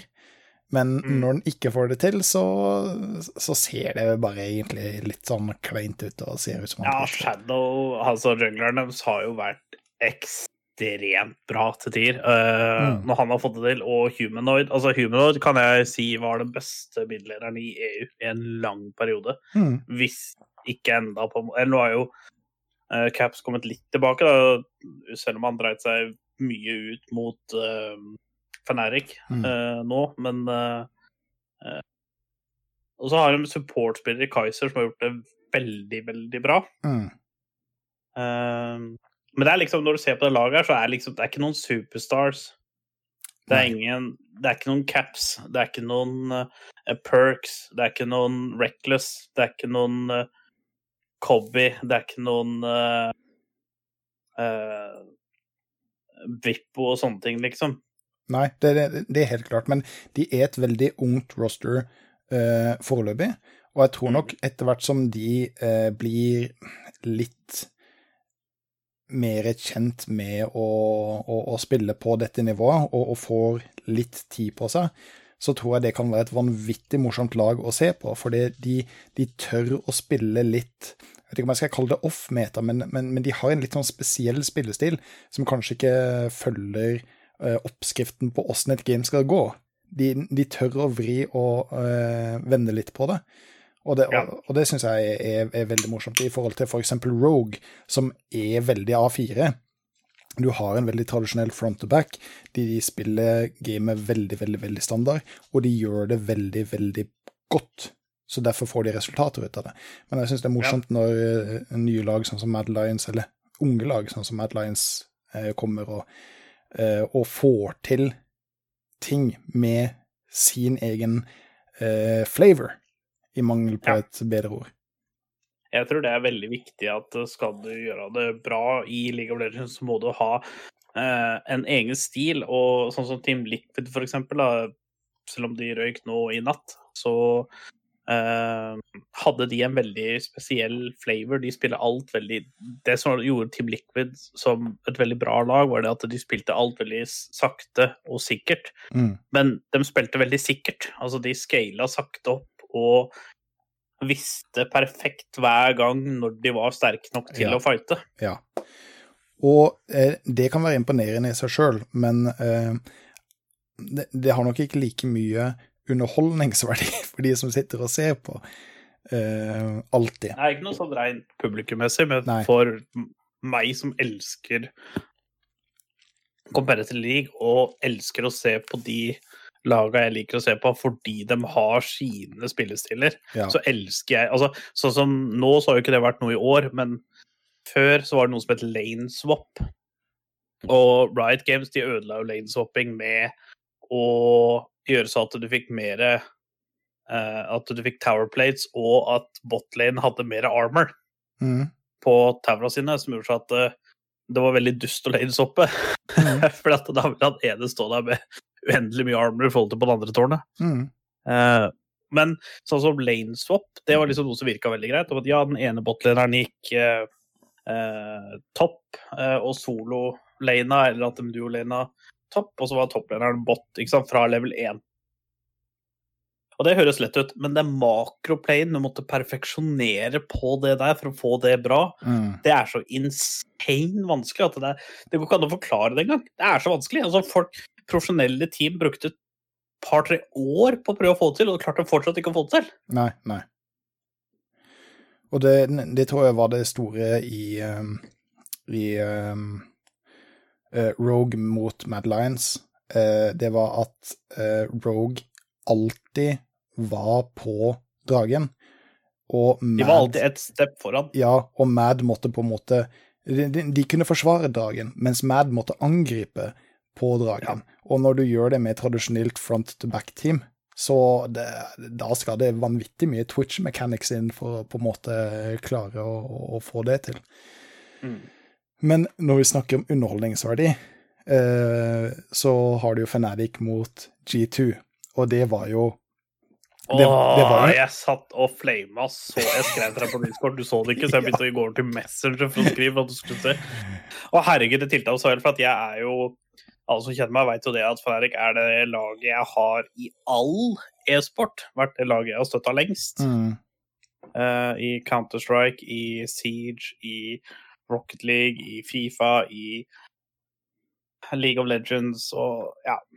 Altså, Fnatic er en organisasjon jeg liker veldig godt. mm, Uh, for å si det sånn, Fnatic er for meg som det TSM er for Salty and som aldri vinner Worlds. mm. Eh, og Herregud Altså, jeg ser, jeg ser Selfmed dauer uten å bruke Hourglass. Vet du, jeg friker ut. Det er ikke tilgivelig. Nei. Du skal ikke dø når du har hourglasset ditt oppe. Og hvis du hadde brukt det, så hadde du faktisk uh, uh, Så hadde du faktisk kunnet eh, blitt uh, redda og ståla, for du hadde teammates i nærheten og sånne ting. Mm. Og eh, ja, jeg skrevet tilbake, det var jo en clusterfuck. Altså, eh, Ja. Caps taper en Det var- 1v1 mot Brippo dypt inn i sin egen jungel. Helt, se- he, Altså, en TP unna resten av laget sitt. Til Shrek Caps 1v nå, bare for at Caps skulle på livet og det prøve å drepe de brushene og sånn. Ja, det, det, Altså, det var ikke uh, Caps som uh, møtte opp der, det var Craps. ja. Jeg satt og måpa. Altså, ikke gjennom hele, da, for det game 1 og 2 var liksom så som så, og så kaster eh, G2 game 3 Ah, ut av Game vinduet. 3 skulle jo G2 hatt, da. Ja. Altså, det at de ikke tok det, det var jo bare int. Ja, eh, det, det var det, og det var litt Altså, morsomt. For er tidligere sånn, den eh, dagen så hadde jeg sett en video om eh, når du ikke er sikker på eh, hva du skal gjøre i League of Legends, hvis du er i en, på en måte en situasjon som du ikke vet om du takler, så trekk tilbake og vent fem sekunder. Og Ja. hadde G2 gjort akkurat det som jeg hadde hørt fra den videoen tidligere, trekke seg tilbake, vente fem sekunder, så hadde de sett 'dette klarer vi ikke', og så bare Å, fy faen. Og så frem og tilbake. Det, det, det var jo, det var jo skytteltrafikk mellom basene. frem og tilbake, frem og tilbake, frem og tilbake. Altså, jeg- skal si, jeg er veldig glad i Fnatic, jeg også, men jeg tror ikke Fnatic er, var det beste laget ut av den serien. Jeg tror, bare, jeg tror bare det var de som var heldigst i den eh, Game 5. Ja, men det, det var jo som jeg sa, det var så mye feil i den kampen. At det var det laget som ville vinne, var det land... Altså, det var ikke det beste laget, men det var det laget som gjorde minst feil. Ja, ja, ja. Og det var Fnatic, Mm. eh, rett og slett. Det var det. Så, så jeg, jeg vet ikke om jeg skal si at det er høy klasse over eh, disse playoffene. playoffsa. si sånn, hadde, hadde World Start til neste uke, så hadde de hatt i helvetes mye ting å fikse. Mm. Så da blir det veldig morsomt å se på Rogue, som egentlig har vært stabil gjennom hele serien, gjennom eh, det meste av playoffen, som også viser at de kan da så bytte litt over fra For jeg, så- jeg, så eh, noen drafts fra tidlig i sesongen, hvor du på en måte kan gå gjennom hele sesongen med så liksom pinpointe akkurat hva, eh, hva picksa deres og bandsa deres skal være. De har, de har spilt det samme teamet, eh, samme eh, ja, de har spilt samme team gjennom hele sesongen. Og så blir de slått av G2, knust 3-0, og så svipper de helt om på det. Så plutselig så ser du en Lucian komme ut, og så, og så spiller de plutselig noe annet igjen. Og det, og det er kjempekult.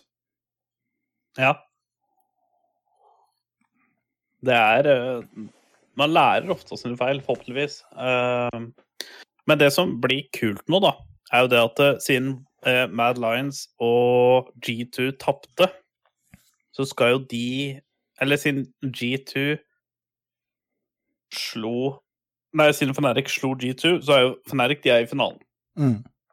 De er topp to uansett hva. Mm. Så de blir topp two-sida fra Europa inn til Worlds. Men nå så skal jo semifinalen. Og det er jo mellom da Rogue og G2. Mm. Og Og det er, og det er til lørdag. Ja. 5. september. Altså nå til lørdag. Og ikke bare det, men rett etter den serien der, så skal jo TSM og Team Liquid og finne ut hvem av de som skal bli den tredje sida. mm. Eller inn til finalen. Taperen der blir jo sida nummer tre, og vinneren går jo inn til finalen. Mm. Åh.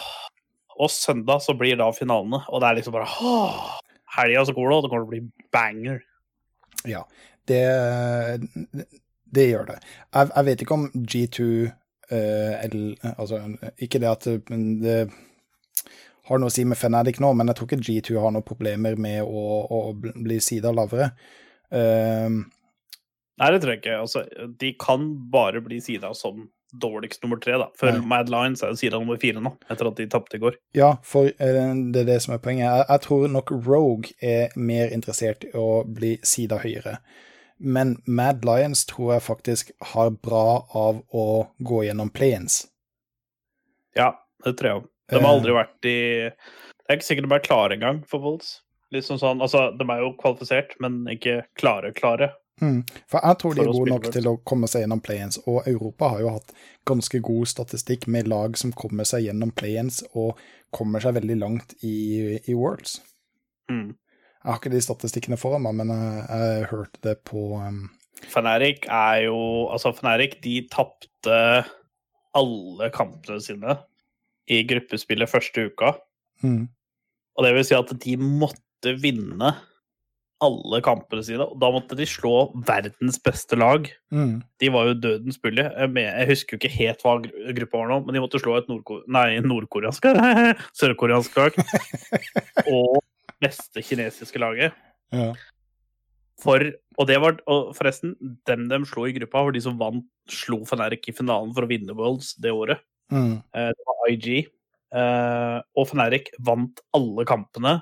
Og så var de avhengig av at Kina skulle slå Korea for at de skulle gå videre. Og tror fader ikke de vant alle sammen og gikk videre. Det er liksom noe av det sjukeste som har skjedd ever. ja. Du, du, skal Så ikke, kommer de helt til finalen. Det er liksom Det er så latterlig sjukt. du skal ikke un undervurdere playoff-buffen til Fnatic.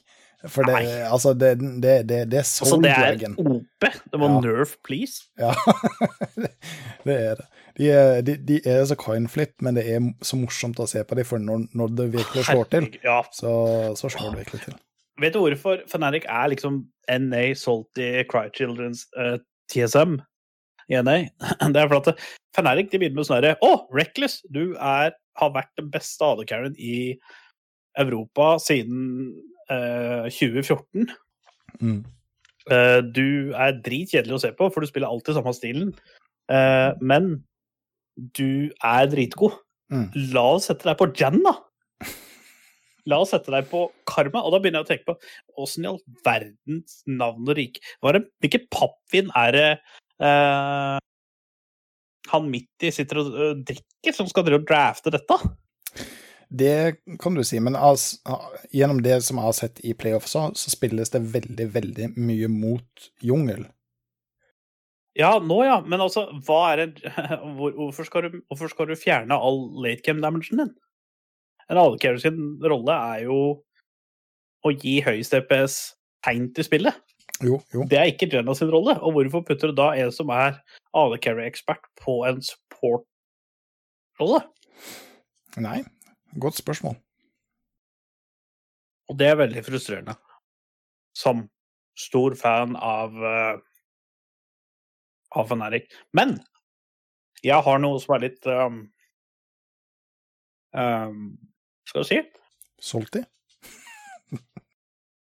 Jeg vet ikke om du kan kalle det solgt men det er uh, Det har kommet et par uh, plasser i uh, Altså standingen etter regular season OK. som er gigaoverraskende. ok, Ja, da må du utdype litt. Ja, altså Origin, de kom på tiendeplass. Altså, det var det dårligste laget. De hadde 6-12 uh, som record. Det er da motsatt av det Mad Lions hadde, for de hadde 12-6. Mm. Men Origin sitt lag, det er stacka, altså. De har Alfari, som var by far den beste toppleneren i LAC denne sesongen. Selv om han kom på tiendeplass. Mm. Det er liksom stakkars mann som må carry hele det laget her. ja. Og så har du norske Er- Erlend Holm, altså Nuke Duck, som midlaner. Han er en ganske stødig og god midlaner. Eh, han, vil, han har aldri vært en superstjerne, men han er latterlig god. På en måte. Upset var jo en gigastjerne i fjor for Mm. Schalke. Ja, ja, ja. Og så fikk de jo Cersei, som har spilt enormt bra jungle både i fjor og store deler av i år. Mm. Og så har de jo henta Jacktroll fra, fra Vitality, og så har de da Destiny. De to er supporterspillere, da. Det er liksom Det er et skikkelig stoked team, et stacka team. Bare superstjerner. Har ikke fått det til i det hele tatt. Nei. Absolutt ikke. Altså, jeg hadde de inn som playoff-contenere, da. Uh, altså sjetteplass oppover. Men de var jo ikke i nærheten. Og Misfits òg, også et lag som skuffa meg veldig, med både Febiven og Cobby. Cobby spilte jo i fjor for TSM. Mm. Uh, Blei jo vraka av TSM da Doublelift gikk tilbake til TSM. Men uh, de fikk bare åttendeplass. Ja. Så det er litt eh, Det er litt kult, sånn som Bad Lines gjør. Ingen superstjerner. Men bare Hei, vi har tolv seire og seks tap og kom på andreplass Ja, ja, etter ja. regular season. Det er dritkult. Vi slo både G2 og Fnatic. Mm. Det, det er veldig kult. Og så- syns jeg det er en kul gjeng, og så har du sett det der Victory Celebration-greiene Ja. de driver med. det, det cracker meg opp, altså. Så det liker jeg. Jeg så synd med Mad Lions at de to siste ukene før playoffs så begynte de å, å skrante litt, og i playoffs har de også skranta veldig. Så jeg er liksom sånn jeg, jeg tror de har veldig godt av planes, og det er faktisk fortjent at de ikke fikk høyere planes fordi at de spilte så dårlig på slutten. Ja, jeg, ja jeg, jeg, jeg tror også det er bra for de i turneringa hvis de må gå gjennom planes og få litt eh, litt flere kamper. eh, altså, nå er det ikke direkte stage, men altså at de får litt mer stage-følelse, da. Ja. Uh, ja, for det er jo ikke sikkert at Mad Lions hadde spilt så bra hvis de faktisk hadde spilt på LC-scena og ikke hjemmefra. Det veit man jo ikke. Nei, det, altså, det er ikke eh, Det er jo helt annerledes å høre på publikum skrike og hoie og mm, mm. og det greiene der. Uh, bare så kjapt før vi går videre til neste, er at uh, fra en sånn mini-region, som wildcard-region, sånn småtasser, altså NA, har jo også hatt enormt close playoff-run. De hadde jo den supersjokkeren med at TSM røyk 3-0 mot Golden Guardians i første runde. Golden Guardians har jeg ikke hørt om engang. Nei.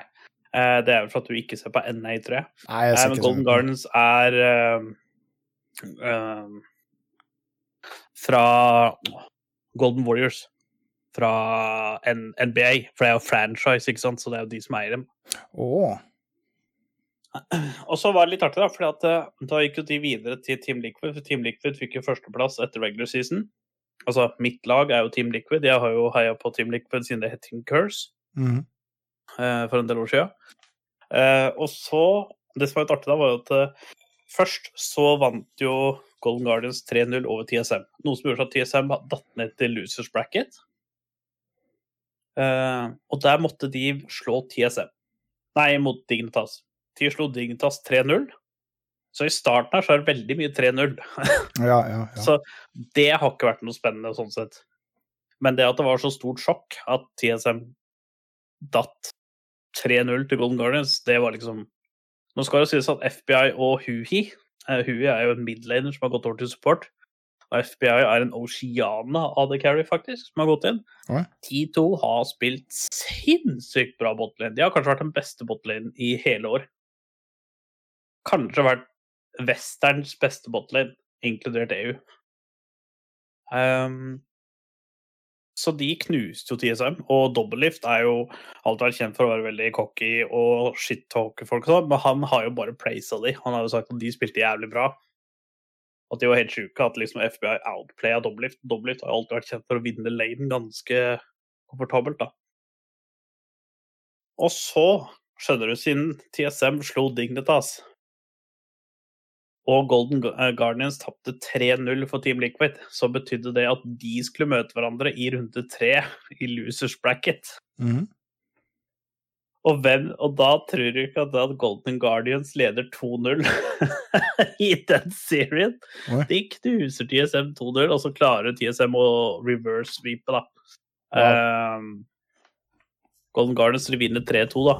Fordi FBI Jeg tror huet hans blei litt varmt, så han flasha fram for å få et kill. Og da flasha han rett i en bard-ku, og så tok Bjørgsen som Siljen og stønna han, så han daua. Når han daua, så tapte hele Golden Guardians. Så han var litt greedy, flasha fram. NA har en veldig stor tendens til å gjøre det. Reckless har også gjort det, på World Stagen, blant annet. Mm. Um, og så um, vant jo Cloud9. De vant jo 3-0 mot Evidences, så da møttes jo TSM og Golden Guardians i uh, semifinalen. Og der vant jo TSM 3-1. Og i natt så tapte Liquid mot Flyquest 3-2, men der burde Flyquest ha vunnet 3-1, men de kuka bort fjerde gamet. Mm. Men der har det også vært veldig mye spennende, da. Mye shitshow, men veldig bra å se på. Ja, og så, og så lenge det er morsomt å se på, så, så er det Så lenge det er publikumsvennlig, så er det kult, men liksom sånn Ja, for det Jeg veldig Jeg håper jo Altså, NA kommer aldri til å vinne World sånn som de spiller, men jeg hå det hadde vært veldig kult om uh, det, at eh, World-tittelen hadde kommet bort fra Asia snart, da. det har jo vært der siden season to. Vær så snill og kom tilbake snart. Ja, for, ja, for det var ikke, det var ikke G2 i Worlds, det var G2 i MSI, var det det? Ja. Ja. Det er riktig. Mm. Men vi har jo Uh, Jeg ser at tida bare sprinter fra oss for at vi er så flinke. ja. uh, eh, 2020 Altså, dette er egentlig en prediction du har prata om lenge. ja.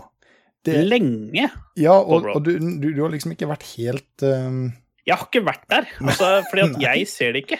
Eh, men nå har jeg liksom endelig, endelig gitt deg grønt lys, fordi nå er det så mange andre som begynner å si det, så nå begynner jeg faktisk å tro litt på det. Ikke at jeg ikke tror på deg, men du har jo sagt dette her siden pandemien brøyt ut omtrent. Og du mener jo det at 2020 kommer til å bli tidenes beste spillår. Ja. Det, det er helt riktig, fordi det har vel aldri noen gang skjedd i spillhistorien at så mange mennesker over hele verden har hatt så mye tid å slå i hjel. Så jeg tror at 2020 kommer til å gå ned i historien som tidenes beste spillår. Og det er av to grunner. Det er, eh, som jeg nettopp sa, fordi det er så mange som har tid til å spille, og mulighet til å spille. Men så er det jo også så forbanna mange gode spill som kommer ut i år. Altså, du har eh, Last of Us part 2. Du har eh, Cyberpunk 2020. Eh, du har eh, 2077. Ja, 2020, sier jeg. Det kommer i 2020, det er helt riktig. å spille spiller i 2077. ja, eh, tusen takk. Eh, og så mm, har du um, Assassin's Creed eh, Valhalla. Valhalla. Valhalla. Um, er det noe mer? Eh, hvis vi skal gå litt off meta, så har du Paper Mario, som har fått vanvittig mye gode kritikker. Det er smart at du sier det, og så flama Mario i forrige episode. Ja, men det er noen som liker å spille Mario allikevel. Selv om jeg er flamen litt av og til. Um, så, så, så du har også vanvittig mange gode titler. Eh, som også kommer ut i år. Jeg kommer også Ja, til så har du der Ghost eh, Det som er en blåkopi av Assassin's Creed. Men, Det som eh, ikke er en blåkopi av Assassin's Creed, eh, som heter Ghost of Tsushima Shadows Die Twice, Ja. er jo også et van Assassin's Creed uh, Die Twice. vanvittig awesome spill, som er helt unikt og ikke likt noen ting annet. Jeg Eh, satt og så på en 17 minutter 4K gameplay, og jeg klarte ikke Hvis jeg ser bort fra landskapet, der det er blomster som blåser, så klarte jeg ikke å se noe annet enn Assassin's Creed. Nei, det, Ingenting annet enn at det var i Japan, og det har ikke Assassin's Creed vært ennå. Utover det så så det bra ut. og jeg kom, Men jeg kommer til å kalle det Assassin's Creed fram til noen kan virkelig motbevise meg at det der ikke er Assassin's Creed eh, blåkopi. Altså Det der blir samme som at du kjøper Gilde skinke, og så ligger First Price skinke rett ved sida der. Det er skinke begge to, liksom. Men eh, Jeg kan ikke si meg helt enig, men ok, greit, eh, med en klype salt. Men det er iallfall veldig mange flotte spill som har kommet ut, som er Ja. blitt annonsert. Veldig mange etterlengta spill. Eh, Jeg kommer også til å eh, ta med Death Stranding i dette, fordi Death Stranding kom ut helt på slutten av 2019. Så jeg tror det er flere folk i 2020 som har spilt det for første gang. tida til å spille det, ja. Ja, pluss at det også Den. kom ut på PC i 2020, den 14. juli. Så Ja. altså, vi er jo PC-gamere. Ja. Eh, med eh, 99 og da eh, 97. 97 Så da kommer jeg til å regne med det også, Jeg ikke sant? spiller litt konsoll av og til, så jeg vil få slenge inn 3% på konsoll. Og og da begynner det å stacke opp med såpass mye, og 2020 er ikke ferdig engang. Tenk så mye som kan bli annonsert opp mot jul, og ting som fortsatt kan komme ut. Eh, Valorant kommer jo ut. Det kan godt hende at det kommer et nytt Apex som bare plutselig dropper uten at noen har visst om det i det hele tatt. Så det stacker Ja, opp altså til å det har jo uh, Apex har jo kommet At det skal komme noe i Apex Legends fjerde kvartal. Det har ikke blitt bekrefta, eller det har blitt bekrefta at det kommer i fjerde kvartal, men det har ikke fått noe dato ennå. Uh, I går så ble det nye uh, Jeg bare spytter på et par spill til som kommer. Ja, ja. Uh, Wall of Warcraft Shadowlands mm. kommer jo. Det er jo hype. Eh, nye Watchdogs Legion kommer jo i oktober. Det er mm. hype. Eh, altså Valorant, som du sa. Og så kommer jo også Cold Duty Black Ops Cold War. Og Ja. det Altså, faktisk Det tror jeg det første Cold Duty-spillet på sikkert tolv år hvor jeg faktisk har hypa at det kommer. Fordi det ser så jævlig Altså, jeg liker virkelig retninga Cold Duty går nå. Mm. Så, så for å summere. Det er så mange folk som har mulighet til å spille i 2020. Det er så mange spill som kommer ut i 2020. Og det er så mange gode og etterlengta spill som kommer ut i 2020. Og det Tony Hawk kommer nå, forresten. I, i løpet i denne uka her. Remastera Tony Hawk Pro Skater 1 og 2. Ja, ikke sant? Og hvor mange er det ikke som sitter ute og bare venter på å få lov å spille det? Og vet du hva? Nå har du muligheten. Dra på en fest, bli smitta og sitt hjemme. Nei, det sa det, det, det sa jeg ikke. Vet. Ja, Factorio, for eksempel. Det har vært på Early Access evigheter. Det har akkurat blitt lansert. Det ble lansert for to uker siden, faktisk. Ja. Runeterra. Og det- eh, Ja. Altså, Liga og lista med veldig gode spill slutter bare ikke. Men eh, vi, altså vi, Jeg fant ei liste på nettet som på en måte har lista opp de uh, beste spillårene. Så for argumentets skyld så kan vi ta en, en runde gjennom det også. Hvis vi starter på tredjeplassen, så mener Mojo, eller Watch Mojo, at Ja.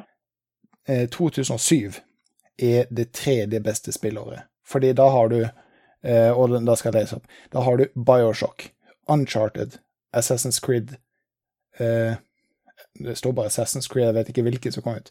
Eh, Mass Effect, Halo, Call of Duty 4 Modern Warfare, Ja, det var det første Assassin's Creed som kom ut. ja, Portal, Team Fortress og Nintendo kommer med Super Mario Galaxy. Der har du en ganske god liste Liste, ja. ja, på veldig gode spill. Men den er, Mhm. er allikevel ikke så stacka som 2020. Og så på andreplassen så har de 1985, og det er mer en sånn der en ehm, statement year for spill. For de av dere som har sett Netflix' nye serie High Så kjenner dere til uh, mer den historien hvor Atari holdt på å ødelegge, og så kom Nintendo inn og redda oss alle. Så derfor er den uh, satt uh, som honorable på er nummer to. ja, altså, den kan du se, men det er jo ikke det beste spill Altså, det er jo for spillutvikling, ja, men det er jo ikke Ja. det beste spillåret spillmessig. Nei, nei, nei. Så den er litt mer sånn filosofisk. At eh, 2020 vil bli, fordi at jeg kan argumentere på at eh, de beste spillene i verden kommer ikke ut i 2020, men at du har tida til å spille mange spill i 2020 Altså Det blir jo samme som beste filmåret. Altså Det kan også være i år. fordi Det er jo ikke det at det har kommet så mange bra filmer fordi at eh, det får ikke produsert filmer, men det er at du har tida til å se de. Ja, det kan du si. Men det, det er summen av det. Det er summen av det, eh, av det, tror jeg. La oss si at du møter ei dame, og hun er kanskje ikke den fineste dama du har sett, men hun er veldig nært til den okay, fineste du har sett. Eh, Du er er 1985. hun er kanskje ikke den smarteste eller morsomste dama du noen gang har møtt, men hun er veldig nært opp til noe av det smarteste og eh, morsomste du noen gang har møtt. Og det er ikke den beste sexen du har hatt, men det er Nei. veldig nært. Ok, Så dere sier at du skal bare drite i det beste som er, og bare gå for the second best? Nei, for det, det er summen av det. Det er summen av det, Gunli. Det er summen av det. Det, det, det, det, det, er alt, det er alt sammen i en pakke som liksom ikke er det beste du noen gang har hatt, men det er veldig nært til det beste du noen gang har hatt. Så det, Ja, altså, det, det, det, det, det eh, som er pros and cons og alle, sam, alle, alle småsummer, så blir det en stor sum. Ja, ja, det er det jeg mener, ikke sant. Eh, og åtte pluss syv pluss ni pluss åtte, ikke sant. Det blir veldig, veldig høyt oppe istedenfor en eh, ti, to, én, én, ikke sant. Mm. Eh, men så da kommer vi til det beste eh, spillåret ifølge denne lista, da. Og, og, og den ser jeg litt mer. Eh, for da har vi 1998 med Legends of Zelda, Ocarina of Time. Vi har Mm. Metal Gear Solid. Vi har Oh. Half-Life. Eh, vi har Starcraft. Vi har Pokémon Red and Blue. Vi har Spyro og Mario Party. Uh, Ja, vet du? Det, vet du? Det spillåret der Ja. tror jeg faktisk er det spillåret med flest trippel A-spill. Som flest spilte. ja. Og Og, det tror jeg faktisk vil stå lenge, altså. og hvis jeg ikke tar helt feil, så i episode nummer ni så var vel 1990 Var det du som valgte 1998? Det det, jeg, husker ikke om jeg valgte 1998 eller 1999. Eh, men ja, Nei, for vi var, vi var helt inntil det, og det var rundt omkring der vi også på en måte ja, et, enten så valgte du året før og jeg 98, eller så valgte jeg 99 og du 98. mm, Ja.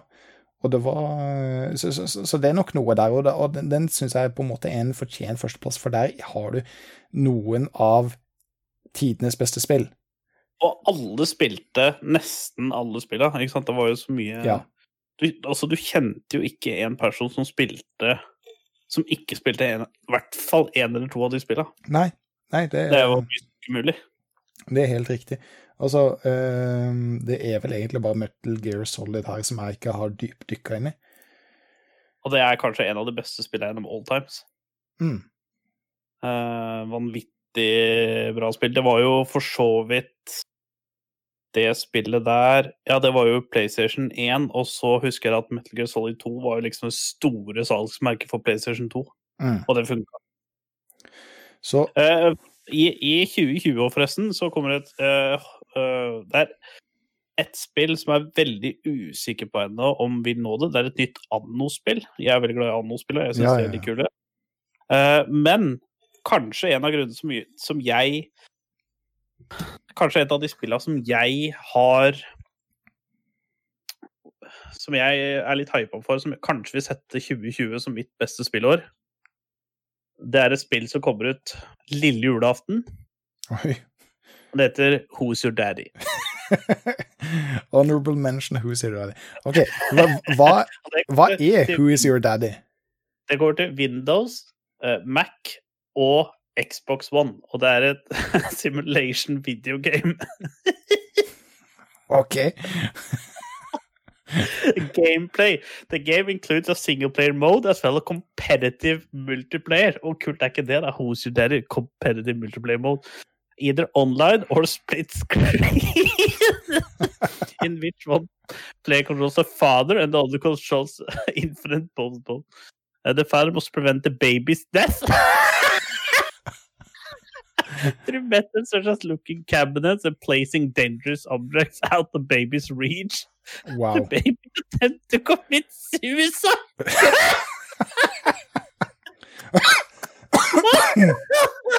wow. in various ways of uh, including drinking bleach and sticking forks in electrical outlets.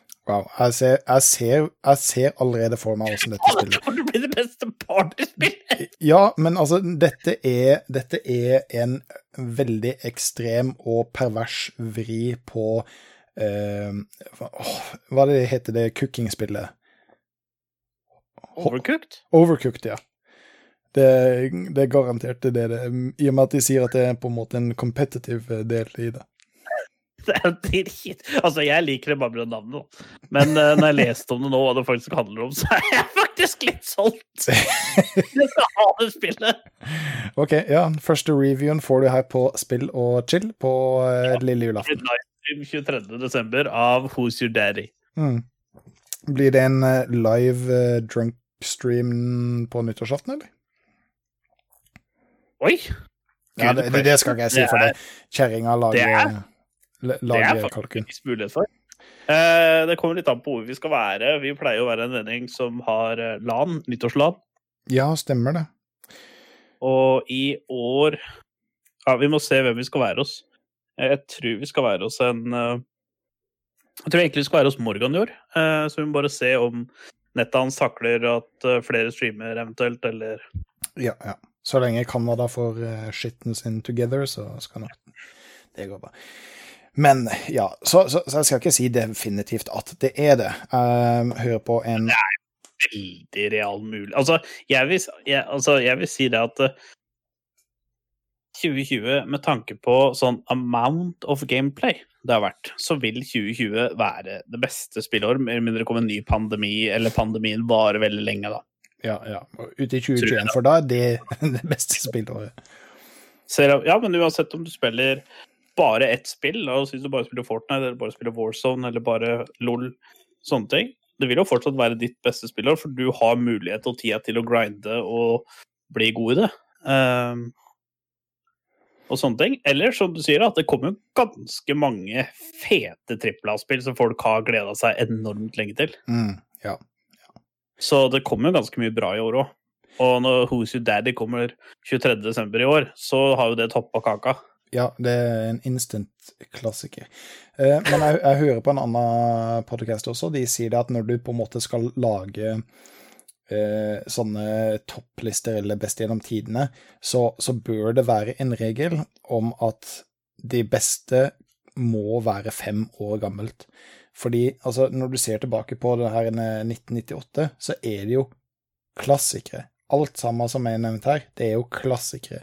Og det kan jo ikke de- være en klassiker u- 98 var, så var ikke det det beste spillåret. Men når du ser tilbake på det, Ja. så er det mellom å sier at vet du hva, dette var det beste spillåret. Så da kan dere se frem til Spill og chill episode 378, hvor vi går tilbake og, og ser på spillåret 2020, og I 2025. ja, kommer med, med en konklusjon da. Og vi har jo Vi gjorde jo det i fjor. Vi hadde jo eh, Nå håper jeg virkelig ikke at jeg sier feil, men jeg er ganske sikker på at vi hadde en episode som sa hvordan året vårt Ja, eh, hva som kom til å skje i 2020, ja. Ja, at vi hadde julespesial, og vi hadde jo Ja, vi hadde det beste spill eh, i tiåret. Ja, ja, stemmer det. Det var, det var det vi valgte å gjøre det som. Istedenfor å ha det beste, beste av 2019, så valgte vi å ha det beste Våre beste spill fra to, eh, 2010 til 2020, da. Men vi hadde jo i den episoden, hvis jeg ikke tar helt feil, var det Polykamera-episoden? Nei, det var episoden etterpå. Å ja, det var, ja, ok, det var det. Men vi hadde, iallfall i den Polykamera-episoden, så hadde vi jo noen ganske sprø um, predictions. Så Ja. hvis du er ny lytter, så må du dra tilbake og så uh, høre det, og se om noe av det har truffet i det hele tatt. For det var Bob Rob hadde jo enorme, vanvittige, bra uh, spådommer på som skje i 2020. Var pandemi en av de? Gå tilbake til episode fem og, og hør. finne ut av det. Ja. Oi, oi, oi. oi. Ja, nei, men eh, da kan vi konkludere med at vi må, vi må vente på konklusjonen der. Eh, Ja, vi må vente. Men altså, så, eh, for å ta, siden vi er inne på temaet, da, ha, hva syns du om spillåret 2020 så langt? al- Med spill du har spilt, og For min del så har jeg vært veldig enspora foreløpig. Så Ja, det var jo Last Oasis. ja. En uh, type crack beep, ain. ja. Uh, og nå er det League of Legends, men jeg skal spille Ghost of Tsushima Shadows Die Twice Without Looking Like Assassin's Creed. Ja, hvorfor uh, har ikke du kjøpt det nå? Altså, det er at det er på PlayStation 4, eller sitter du bare og venter på at det kommer på PC? Eh, jeg skal ha det på PC. Eh, Så eller så venter jeg til PlayStation 5, men jeg kommer ikke til å kjøpe PlayStation 5, så nei, det blir PC. Eh, Vi- Så godt i jobben vår, så kan du bare fint kjøpe en PS5 bare for å teste det spillet. ja, vi kan jo det som er sånn semi-kvartmillionærer. Ja. Eh, men nei, det, det blir nok på PC. Og så Cyberpunk 2020 kommer jeg til å spille, men da 2077, det heter ikke 2020. Jeg sa 2077, hva er det du Ja, snakker om? jeg har en kompis som har kommet til å tilte så jævlig på den episoden. Han er blodfan, du skal se hvor mye artikler han allerede har fra det spillet. Han er så fan 2077, OK, sorry. Beklager. Ja, og det, det kommer jeg til å spille.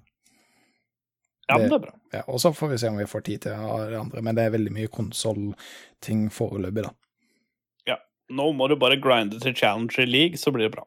Ja, nei, Spille litt ranked og sånn. Challenger i løpet av neste episode.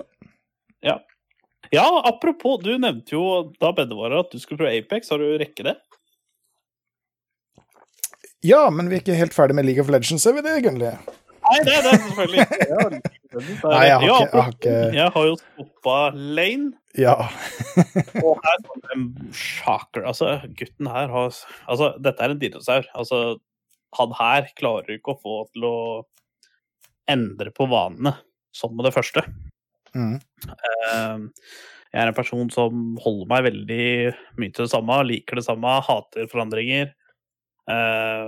Eh, altså jeg liker småchange og sånn, men ikke sånn der, sånn som da, da Botlane skulle begynne å gå mage og sånn. Det syns jeg ikke var noe kult. Men uh, andre syns det var gøy. Fuck dem. Uh, jeg har bytta lane, Ja. og det er ikke bare at jeg har bytta lane. Men jeg har en 78 win rate i den lanen i ranked. Det er jo ganske sjukt. Og det er jo da med å lære en helt ny lane. Og dette er ikke Mm. sånn at jeg har bare spilt åtte games eller fire games eller noe sånt. Jeg har faktisk putta inn en del games. Ja, og det er jo ikke bare nye lanes, men altså, det er jo en nytt champion pool også. Ja, eh, og det verste med det er jo å lære matchups.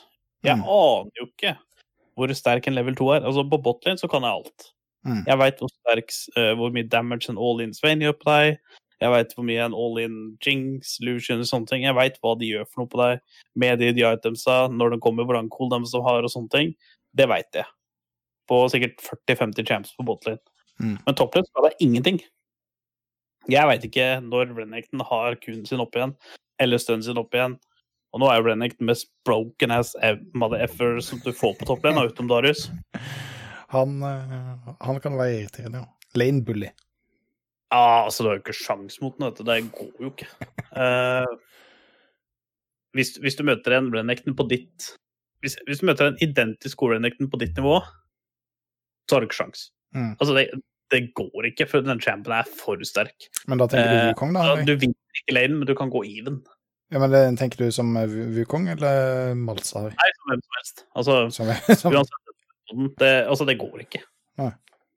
Du kan gå even, men du kommer ikke til å vinne lanen. Og da mener jeg hvis du møter på en Renekton som er på ditt nivå. Mm. Identisk som ditt nivå. Uh, hvis du møter en som er dårligere Altså, jeg har vunnet mot mange Wukongs, uh, både som Alzar-topp og som Wukong-topp, og som Shen-topp. Uh, så jeg har vunnet mange sånne. Men så fort jeg møter en som jeg ser ok, han der er på mitt nivå, taper jeg med en gang. Mm. Eller jeg taper ikke, da, men jeg, har ikke sjans- jeg mister muligheten til å vinne. Er vel egentlig det jeg skal fram til. Det er det jeg mener med å tape. Mm. Uh, kan gå i null og sånt, da. Men der har jeg faktisk gått til 78 win rate. Ja. Uh, jeg tror jeg har bikka 30 games. 30, nesten 40 games. Uh, med den win raten, og det begynner å bli deilig, altså. Ja, det Altså, 78 win rate er absolutt imponerende. Det er liksom, Du vinner nesten 8 av 10 games, da. Jeg ligger på 43% som support. Ja, men der er jo du Du er ganske ny ennå, da. Ja, Du har ikke mye å lære. Ja. Og så har du jo ikke spilt ranked, altså du møter jo folk utafor ranken din Ja, hele tida. ja, jeg gjør det. Så du kan jo møte på meg, forresten. Ja, eh, Sånn. så, Rent hypotetisk. ja, så la oss ikke gjøre det. Men vet du hva, vi har jo vi, Vet du hva, dette har jo vært altfor slappet til. Uh, vi ser jo det på Hver gang dere hører dette på Spotify, iTunes og sånne ting, så får vi det Får det ikke opp, men vi kan gå inn og se det. Uh, vi har jo faktisk hatt uh, Første episoden vår var jo en megabanger av en episode. Uh, det er jo den episoden som faktisk har vært by far den mest populære. Mm. av en eller annen merkelig grunn. Det går an å si det. Det er jo dritkult, da. Uh, og vi ser alle uh, som lytter og ikke minst laster ned Mm. og deler og liker episodene våre. Det er enormt kult. Veldig, uh, veldig kult. Og vi har kanskje vært ganske anonyme uh, med å nevne Twitteren vår og sånn. Eh, og den uka her så fikk jo vi eh, eh, Jeg fikk i hvert fall på Twitteren min at eh, folk lurte på både Twitter og Discord, så jeg lurer faktisk på om vi skal poste det på Podbind. Det kan vi absolutt gjøre. Nå er jeg veldig dårlig på både Twitch og Twitter. Jeg hadde ambisjoner om Twitch, men det Ja, det her som vi snakket om tidligere, med tida strekke til, videre. Vi kan, kan i hvert fall poste Twitteren vår der, fordi eh, da kan folk komme med tips. Eh, samme med Discord. Hvis dere joiner Discorden vår, så kan dere faktisk komme med tips, eventuelt samtaleevner. Eh, kanskje vi starter et segment hvor vi kan ha dere som eh, gjest under de og de segmentene. spørretime Eh. hadde også vært jævla kult. Hæ? Sånn Q&A. Eh, sånn spørretime eller lytterinnslag. Det hadde vært jævla kult å få til. Det hadde vært veldig kult, sånn som for eksempel episode 20. Hadde vært veldig kult med en Q&A, og da hadde det vært veldig kult om folk hadde eh, slengt inn noe. Mm. Eh, vi har jo prata litt om at vi skal ha live-episoder. Eh, nå fikk vi ikke til det pga. Canada. Mm. Eh, men Men vi er veldig takknemlige for alle som laster ned episodene. Og vi har et ganske bra snitt, faktisk, Ja da. på episodene. Det er vanvittig gøy. Og um, min uh, Twitter er Gunly-tweets, og Bobrob sin Twitter er Bobrob-tweets. Så det er ganske lett sånn sett, men vi kan ta oss og skrive det inn i Uh, han, eh, Bobrob er jo han som er den flinke og legger ut på Podbean og redigerer, så han kan helt sikkert putte det inn i nederst på hver episode ja, ja. Det får vi til. hva Twitteren vår er. Uh, og eventuelt uh, Ja, kan ta Twitteren vår, da, så kan man få Discord gjennom den eventuelt, for det er vel ikke plass til alt der. Men uh, vi skal bli flinkere på det og nevne det. Vi er liksom bare sånn at vi syns det er gøy å ha podkast, og så glemmer vi resten. ja, ja. Det, det er faktisk veldig riktig. Men nå har vi vel kommet uh, til eh, såpass at vi har uh, skravla om mye hverdagslig piss i, eh, eh, godt over en time, og noe som det er det, det, Vi blir så engasjerte, for det, det betyr så mye for oss. Ja, det, det, det, Så det er jo ikke eh, Det er jo Helt riktig. Nei, det, altså, mange av de her temaene våre de, de, de strekker litt eh, ut, for det, det, det er alltid så mye mye prat om. Jeg var så nervøs da jeg skrev uh, ikke, altså, uh, ikke manus, men programoversikt, jeg liker å kalle det som. Så var det så få punkter der. Jeg tenkte åssen i all verden skulle jeg klare å fylle en time? Men uh, vi har jo fått til det. da. Det er ikke noe problem, Genli. Det er ikke noe problem. Problem. Men da må, Ah. vi har jo det faste segmentet om at vi må ha noe å anbefale frem til neste episode. Um, Ja. Og har du noe på lager, Genli? League of Legends. Ja, spill. uh, nei, jeg har League of Legends. Jeg har The High Score på Netflix. Det er jo da den spilldokumentaren som har blitt releasa på Netflix. Mm -hmm. uh, veldig kul. Uh, hvis du er av det kvinnelige hjørnet, så har jo Lucifer season 5 kommet på Netflix. Er det bare damer som ser på det, altså? Nei, men jeg tror flertallet er jeg, jeg tror flertallet er det, og så kan du dot at me hvis det er feil. Um, det er i hvert fall en veldig uh, veldig bra serie. Uh, og så har jeg begynt å se på en serie på for de som har Investigation Discovery eller Dplay. Nå vet jeg at Dplay høres fryktelig feil ut, men det er faktisk Discovery sin uh, streaminggreie, og ikke noe TV 1000 hjelper deg. Ehm, og de har noe som heter Der er det en serie som heter Murder Chose Me. Og det er en uh, uh, Fra virkeligheten, da. En deputy Rod Demery som uh, Først ble mora hans drept. Og så gikk noen år, og så ble broren hans drept, og da fant han at OK, alle rundt meg blir drept. Han skulle bli detektiv. Å ja, han, han Da driver han og prater om forskjellige eh, cases og sånn han har hatt, da, og du ser liksom at det er veldig mye prega uh, i hans måte å løse cases på i forbindelse med, med det som har skjedd med familien hans, da. Mm.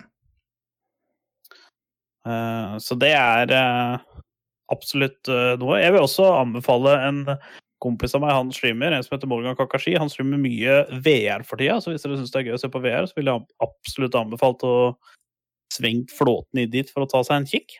Hva, hva går det i? Er det Beat Saber, eller er det Ja, det er det, og så er det uh, oh, VR-chat, og så har han begynt å spille et par andre spill som jeg ikke helt husker i, uh, i Jeg så det på Steam, uh, jeg husker ikke hva det heter, for men det er noe med pistoler, at du, sånn gunslinger-greier og sånt. Å. Fun, fun. Så det vil jeg anbefale. Og ja, vi må jo shoute til King of the Hill sin stream igjen, da. Ja, ja, ja. Sjekk ut, uh, sjekk ut uh, Bedde og, Ja. og streamsa hans. Uh, han, er, han er faktisk en flink streamer, altså. Han er kikker veldig flink. Og han, Veldig, eh, og så er det veldig behagelig å se på. Det er liksom Han får alle fornøyde. ja, Det er det som er kult. og så har han en, eh, en eh, community også, som, eh, som er veldig engasjert i streamsa hans. Så hvis det er liksom eh, din greie, så sjekk det ut. Ja. Uh, Hit, hit. Min anbefaling eh, Lista er ikke like omfattende, eh, men kona er veldig glad i true crime. Og der er noe på Ja. HBO som eh, heter for um, Gone Into the Night. eh, av ei Oh. dame som heter for eh, Naka Ikke Nakamura, men eh, et eller annet veldig lignende. Det har ikke så mye å si. Men det er en utrolig spennende historie med ei dame som blir veldig, veldig engasjert i et eh, uløst mord. Som Ja. viser seg å være serieforbrytelser, som viser seg å være en massemorder. Uh, og det er ingen som på en måte tror at dette alt sammen henger sammen, men hun får uh, folk engasjerte og får uh, loven til å se at det er sammenheng mellom dette. Eh, og jeg skal ikke spoile noe mer, men det er veldig, veldig, veldig spennende. Det er en del karakterutvikling som også er veldig spennende. Eh, og det er en veldig tilfredsstillende slutt. For midt inni der så sitter jeg og tenker faen, hvis jeg skal se alle disse episodene, og så er det ikke noe tilfredsstillende slutt, at det blir en sånn cliffhanger, da blir jeg litt sinna. For det, det, dette var så spennende at hvis jeg, hvis jeg må sitte og prøve å fundere på dette sjøl, så, så blir jeg lei meg. Men absolutt anbefale. Veldig, veldig godt laga. En veldig spennende og god historie, og en veldig tilfredsstillende slutt. Det hørtes veldig bra ut. ja, og så har jeg testa ut det som Bedde sa med eh, Sherlock. Ja. Eh, jeg syns det var veldig bra. Jeg syns det var Ja, spennende og morsomt. Um, Bra tips av Bedde der. ja, kona var ikke helt, um, helt med på det. Hun syns ikke det var like morsomt. Men det er Sherlock Holmes i uh, 2020, eller 2019, eller 2018, eller whatever. Det er iallfall en Ja, moderne moderne. Sherlock Holmes. Han er fortsatt Sherlock Holmes, men det er bare i en Ja. moderne tid. Og det syns jeg er en Mm. litt sånn uh, kul, kul twist på det. Ja. Så det, det var mine anbefalinger, som jeg også kan videre anbefale. Ja, men det er kult. Da vil jeg bare gi en liten shout-out til uh, uh, Twitch.tv uh, Gunley og Twitter uh, Borrowed Tweets og Gunley Tweets. Mm. Uh, spill og skill på Podbean og Spyfy og tre dager seinere på iTunes. ja, det er helt riktig. Fader, nå har jeg lært med din replikk, nå. Nå tok jeg faktisk fra deg ditt segment. Det var ikke bra, da. Jeg skulle egentlig bare slette til så Jeg, bare Ta fram alt. Du tar fram alt. Det var introen, da. Ja. Men hvis det ikke var noe mer, Gunnli, Da er vi på verdensenden, er vi ikke det? det er vi absolutt. Jeg er som. Det er jo helt rått. Ja. Eh, Jeg er som vanlig Bob Rob, er gun gun. Og vi høres. Tjallabei.